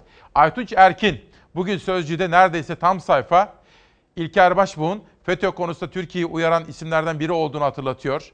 Ve bugün İlker Başbuğ'un devlet aklı Başbuğ'u hedefe koymakla ne kazanacak diye bir soru soruyor. Uzun haber analizinde hükümetle cemaatin kol kola yürüdüğü dönemin analizini de yapıyor yazar ve en son şunu soruyor. Tıpkı Barış Terkoğlu gibi o da İlker Başbuğ'un hedef tahtasına oturtulmasının Türkiye'nin FETÖ'den temizlenmesine sorun yaratacağını ve FETÖ'yü sevindireceğini söylüyor efendim. Her iki yazar da ortak. Bundan şöyle bir ay kadar önce Canan Güllü beni aramıştı. Canan Güllü hocam kadın meselesini ömrünün meselesi haline getirmiş ve benim de kendisini çok desteklediğim bir isim. Beraber çok projelerimiz var daha yapacak. Kadın meselesini çözmemiz gerekiyor. Beni bir konuda bu konuyla ilgilenir misin diyerek de uyarmıştı. Ondan bir hafta sonra da beni Tunceli Belediye Başkanı Fatih Maçoğlu aradı. O da aile seni izliyor, herkes seni izliyor. Lütfen bu konuya ilgi göster demişti. Savaş, yerel gazeteler hazır mı? Ne demek istediğimi şimdi anlayacaksınız. Her ikisine de sözüm vardı. Olayı takip ettim. Dün Tunceli'de, daha doğrusu Diyarbakır'da yaşayan ama bir süredir evlatlarının peşinde Tunceli'de olan bir kadının sesini sizlere duyuracağım şimdi. Ama önce Van sesi. Yüreğimize çığ düştü.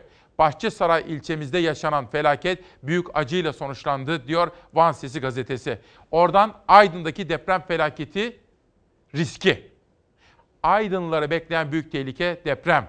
Bakın Manisa sallanıyor, sallanıyor, sallanıyor. Manisa sallandıkça İzmir'in yüreği ağzına geliyor. Onlar da hissediyorlar. Ve bu defa jeofizik yüksek mühendisi Profesör Doktor Övgün Ahmet Ercan Aydın'da yaşanması muhtemel 6'dan büyük depremin yıkıcı sonuçlar olacağını bildiriyor ve alınması gereken tedbirler konusunda bizleri uyarıyor. Geçelim Mersin'e. İmece Gazetesi 9 senelik inşaat ama yine olmadı.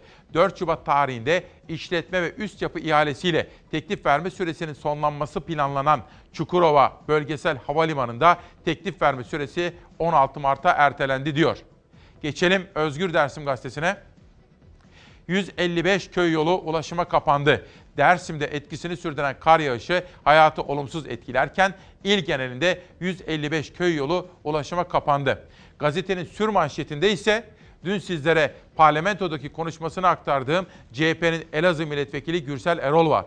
Gürsel Erol diyor ki Elazığ afete maruz bölge ilan edilsin, ek kanunlar çıkarılsın, yeni bir depremde şehrimiz yıkılmasın diyor efendim Gürsel Erol.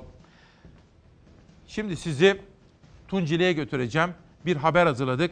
Dönüşte de bağlantımız var.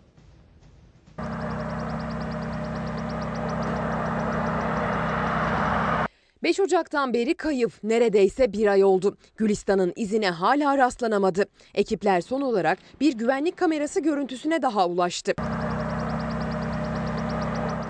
Geçtiğimiz ay Tunceli'de Uzunçayır Baraj Gölü çevresinde görüldü en son. Sonra sanki yer yarıldı içine girdi Gülistan Doku. 21 yaşındaki üniversite öğrencisi kaybolduğu tarihten beri Tunceli'de her yerde aranıyor. Ekiplerin karada ve Baraj Gölü'nün sularında didik didik aradığı Gülistan'ın son olarak MOBS kameralarıyla çekilmiş bir görüntüsüne daha ulaşıldı. Kaybolduğu gün saat 11.20 civarında kayda alınan görüntülerde arkadaşı Zaynal Abakarov'un yanından ayrılan Gülistan Doku'nun yolun karşısına geçerek durakta minibüs beklemeye başladığı görülüyor. O esnada telefonu çalan genç kız 3 dakika telefonla görüştükten sonra minibüse biniyor. Gülistan'ın daha önce de Zaynal Abakarov'la konuşurken ve Sarı Saltuk Viyadüğü üzerinde olmak üzere farklı görüntülerine ulaşılmıştı. Ancak adeta sırra kadem basan genç kıza hala ulaşılamadı. Şimdi efendim Tunceli'ye gidiyoruz ve bir abla, Gülistan'ın ablası Aygül Hanım, Aygül Doku hattımızda. Günaydın. Aygül Hanım günaydın. Günaydın İsmail Bey, nasılsınız? Çok sağ olun. Sizinle birlikteyiz. Dualarımız sizinle. Kızımızı arıyoruz. En son durum nedir efendim? İsmail Bey, öncelikle e, yayına bağladığım için size teşekkür ederim. Size ve Fox'ta çalışan herkese. Ee, sonra Van'da çığ düşmesi sonucu hayatını kaybedenlere Allah'tan rahmet, ailelerine sabır diliyorum. Çünkü o acıyı en derinden hissediyorum. Şu anda anlayabiliyorum. Son durum Gülistan'a gelince e, böyle özetlemek gerekirse Gülistan dü- 4 Ocak Cumartesi günü Hanımeli'de işe giriyor. E, Zeynel Abarakov'un evi de bu hanım işe girdiği yerin üstü. Gülistan Zeynel Abarakov oraya geliyor. Gülistan'da bir konuş aralarında bir konuşma geçiyor. Sonra Zeynel Abarakov'un annesi geliyor diyor ki yukarı gelin. Hani ev üst katta. Gülistan yukarı çıkıyor. Sonra iki saat orada kalıyor. Orada artık tartışma meydana geliyor. Ne konuşuluyor, ne görüşülür bilmiyorum. Engin Yücel'in evinde iki saat görüşmeden sonra e, Gülistan aşağı iniyor. Yurda gidecek saat 22 civarı. Bu Zeynel Abak- Abakarov zorla gelip Gülistan'ı araca bindirmeye çalışıyor seni götüreceğim diye. Gülistan izin vermiyor. Orada bir darp olayı meydana geliyor. Görgü şahitleri görüyor. Polisi arıyor. Polis olay yerine geliyor. Polis olay yerine geldiği zaman Gülistan şikayetçi olmadığını söylüyor. Sonra polis gidince şunu da istiyorum oradaki görgü şahitlerinin bize ulaşmasını. Çünkü herhangi tek bir şey Gülistan'a ulaşabilmemiz için bir ipu- ipucu olabilir. Sonra Gülistan e, e, o gece Hatice Keneş hocasına gidiyor. Hatice Keneş'in e, beyan ettiğine göre Gülistan şok geçirmiş bir durumdaydı. Sapsarı kesilmiş hani hiç konuşulacak bir durumda bile değildi. Soruyor kızım ne oldu? Hocam diyor işte ben Zeynel'in evine gittim. Ee, işte Zeynep'in babası, annesi, kız kardeşi hepimiz evdeydik. İki saat bir görüşmemiz oldu. Ee, tam o sırada Zeyl Gülistan'ı arıyor. Senin yüzünden çok kötü şeyler oldu. Ee, benim e, babam Engin Yücer yani anneme şiddet uyguladı. Az kalsın annemin her şeyi bozuluyordu. Konuşmada bulunuyor. Gülistan'a telefonu kapatınca hocam diyor. Yani hocanın beyan ettiğine göre. Evet. Hocam ben ne kadar kötü bir insanım ki e, benim yüzümden bir kadın şiddete maruz kalıyor. O gece zaten Gülistan çok kötüymüş. Yemek de yememiş, sabah kalkınca kahvaltı da yapmamış. Hani ya çok o evde bir sır öğrendi ya da o evde Gülistan'a farklı bir şey anlatıldı bilmiyoruz. Sonra Gülistan e, sabah e, kafeteryanın önüne gidiyor bu çocukla görüşmek için. Hani annen şiddet uygulamış anlatıyor ya falan onun için öğretmen diyor e, gidip annesinle görüşe- görüşeceğim falan filan diyor. Orada kafenin önünde 9 dakikalık bir görüşme oluyor ama çocuğun ifadesinde ben işim var sonra görüşürüz diye beyan ediyor. Orada ne konuşuldu bilmiyoruz. E, ifadesinde de pek bir şey yok. Hani Gülistan geldi ben dedim işim var sonra Gülistan gitti. Daha sonra Gülistan valiliğin önüne gidiyor. Minibüse binmeden önce yine 3 dakikalık bir görüşmesi var. O da aydınlatılmış değil. Orada da diyor ki ben Gülistan demişim hani yurda gideceksin. Yok Gülistan demiş ben okula gidiyorum bu. Ama orada 3 dakika yakın bir gör- e, konuşma var. Bunlar da aydınlatılmış durumda şu anda değil. Yani adli olarak bu konuda çok eksiyiz. İkincisi e, şöyle diyeyim Gülistan minibüse binmeden önce e, en son iki kişi de minibüse biniyor. O Gülistan ve iki erkek onların kimlikleri de Evet. şu anda tespit edilmiş değil. E, şu anda buradan onlara sesleniyorum. Kaç E, gündür 5 Ocak- aranıyor şimdi? 34 gün mü oldu? 32 gündür Gülistan kayıp. 32 gün. Peki. Ee, 5 Ocak Cumartesi günü o araca binen e, iki şahıs vardı. Hatta biri şoföre diyor ki erkek yurdu e, nerede? Sesimi duyuyorlarsa burada biz Tunceli biliyoruz. Tunceli'nin halkını biliyoruz. O kadar iyi, o kadar yardımcı olmak isteyen, o kadar duyarlı insanlar ki onlara bir ablanın sesine ses vermesini istiyorum.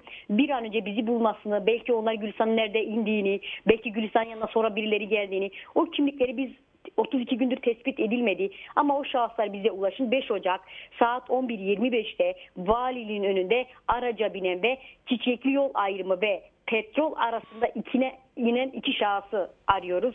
İnşallah onlar sizin aracılığınızda sesimizi duymuştur. İnşallah bize ulaşırlar. Sonra İsmail Bey şöyle Evet. anlatayım. Ee, e, Şimdi Gülistan, e, ben Gülistan e, biz kayıp haberini aldığımız zaman biz direktmen Tunceli'ye geldik. Ben Gülistan'ın direktmen odasına gittim. Hani belki Gülistan, bize Gülistan kayıp dediğinde ya da intihar falan şunları dediğinde ben hani intihar etmişse bir mektup, bir, bir şey vardır diye. Odasına gittiğimde odasında arama yaptım. Odasında benim kız kardeşimin iki hafta önce aldığı KPSS kitapları vardı. Gülistan daha sonra KPSS. annemi- He, KPSS Ha, kitapları sınava vardı. hazırlanacak.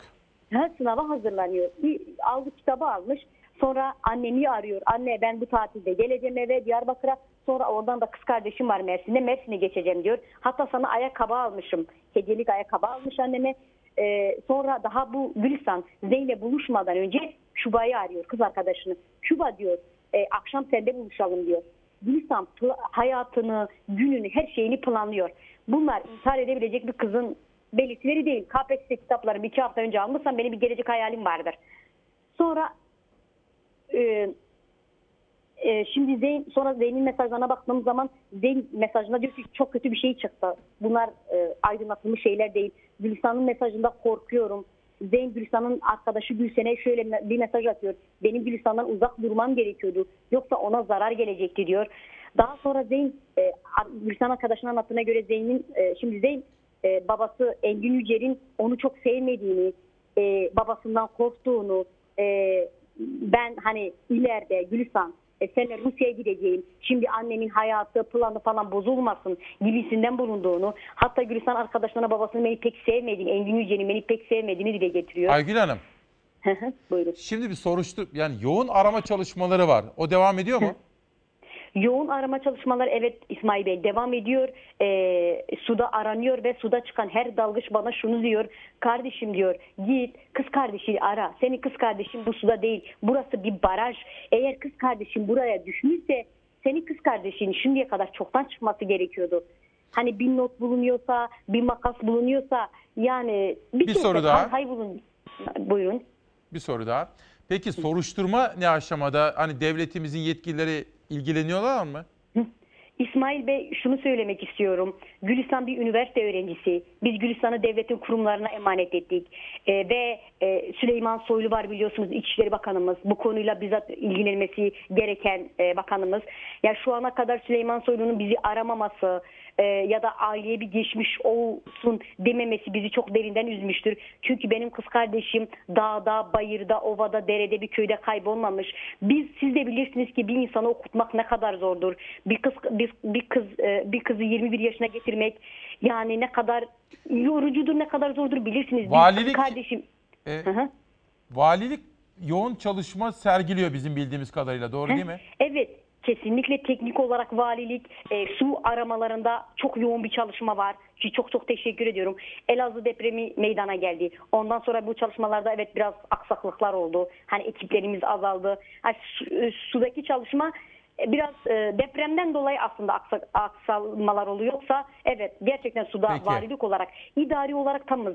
Ama adli olarak İsmail buyurun.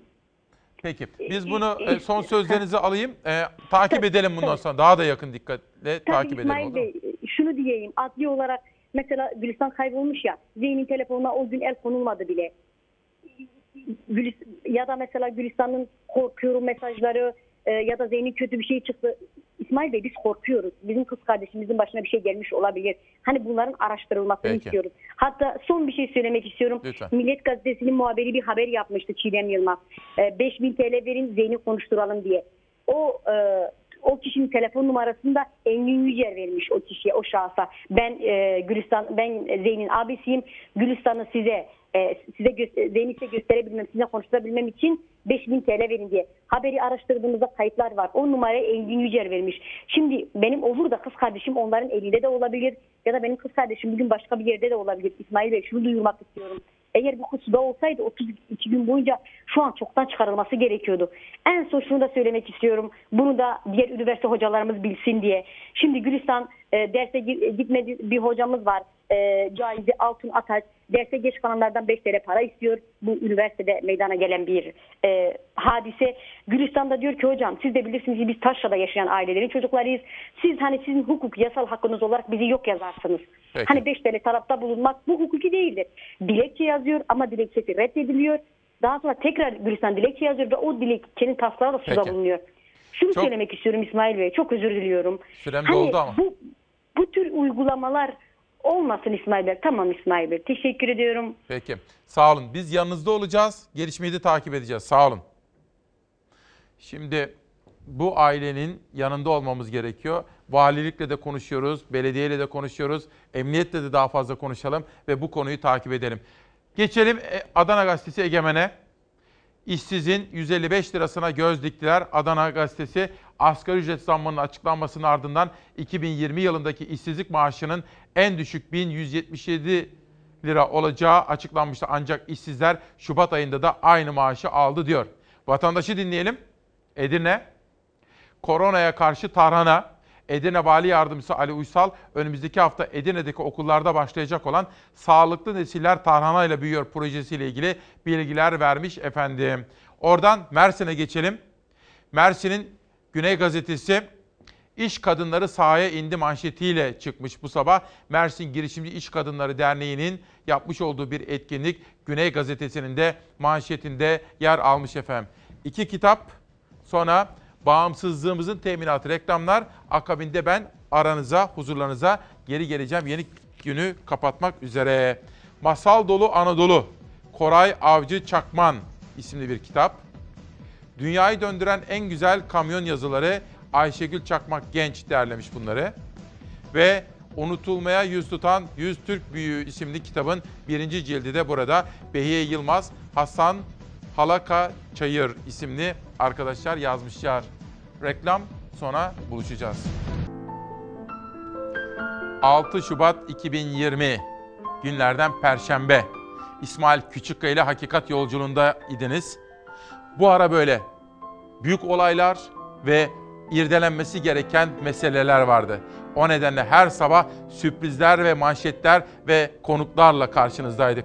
Bütün bunlarda bana yardımcı olan İsmail Küçükkaya ile Demokrasi Meydanı'nda emeği geçen bütün ekip arkadaşlarıma işte bu sabah Hilal kardeşim ve Savaş, Savaş Yıldız dönüşümlü yaptılar.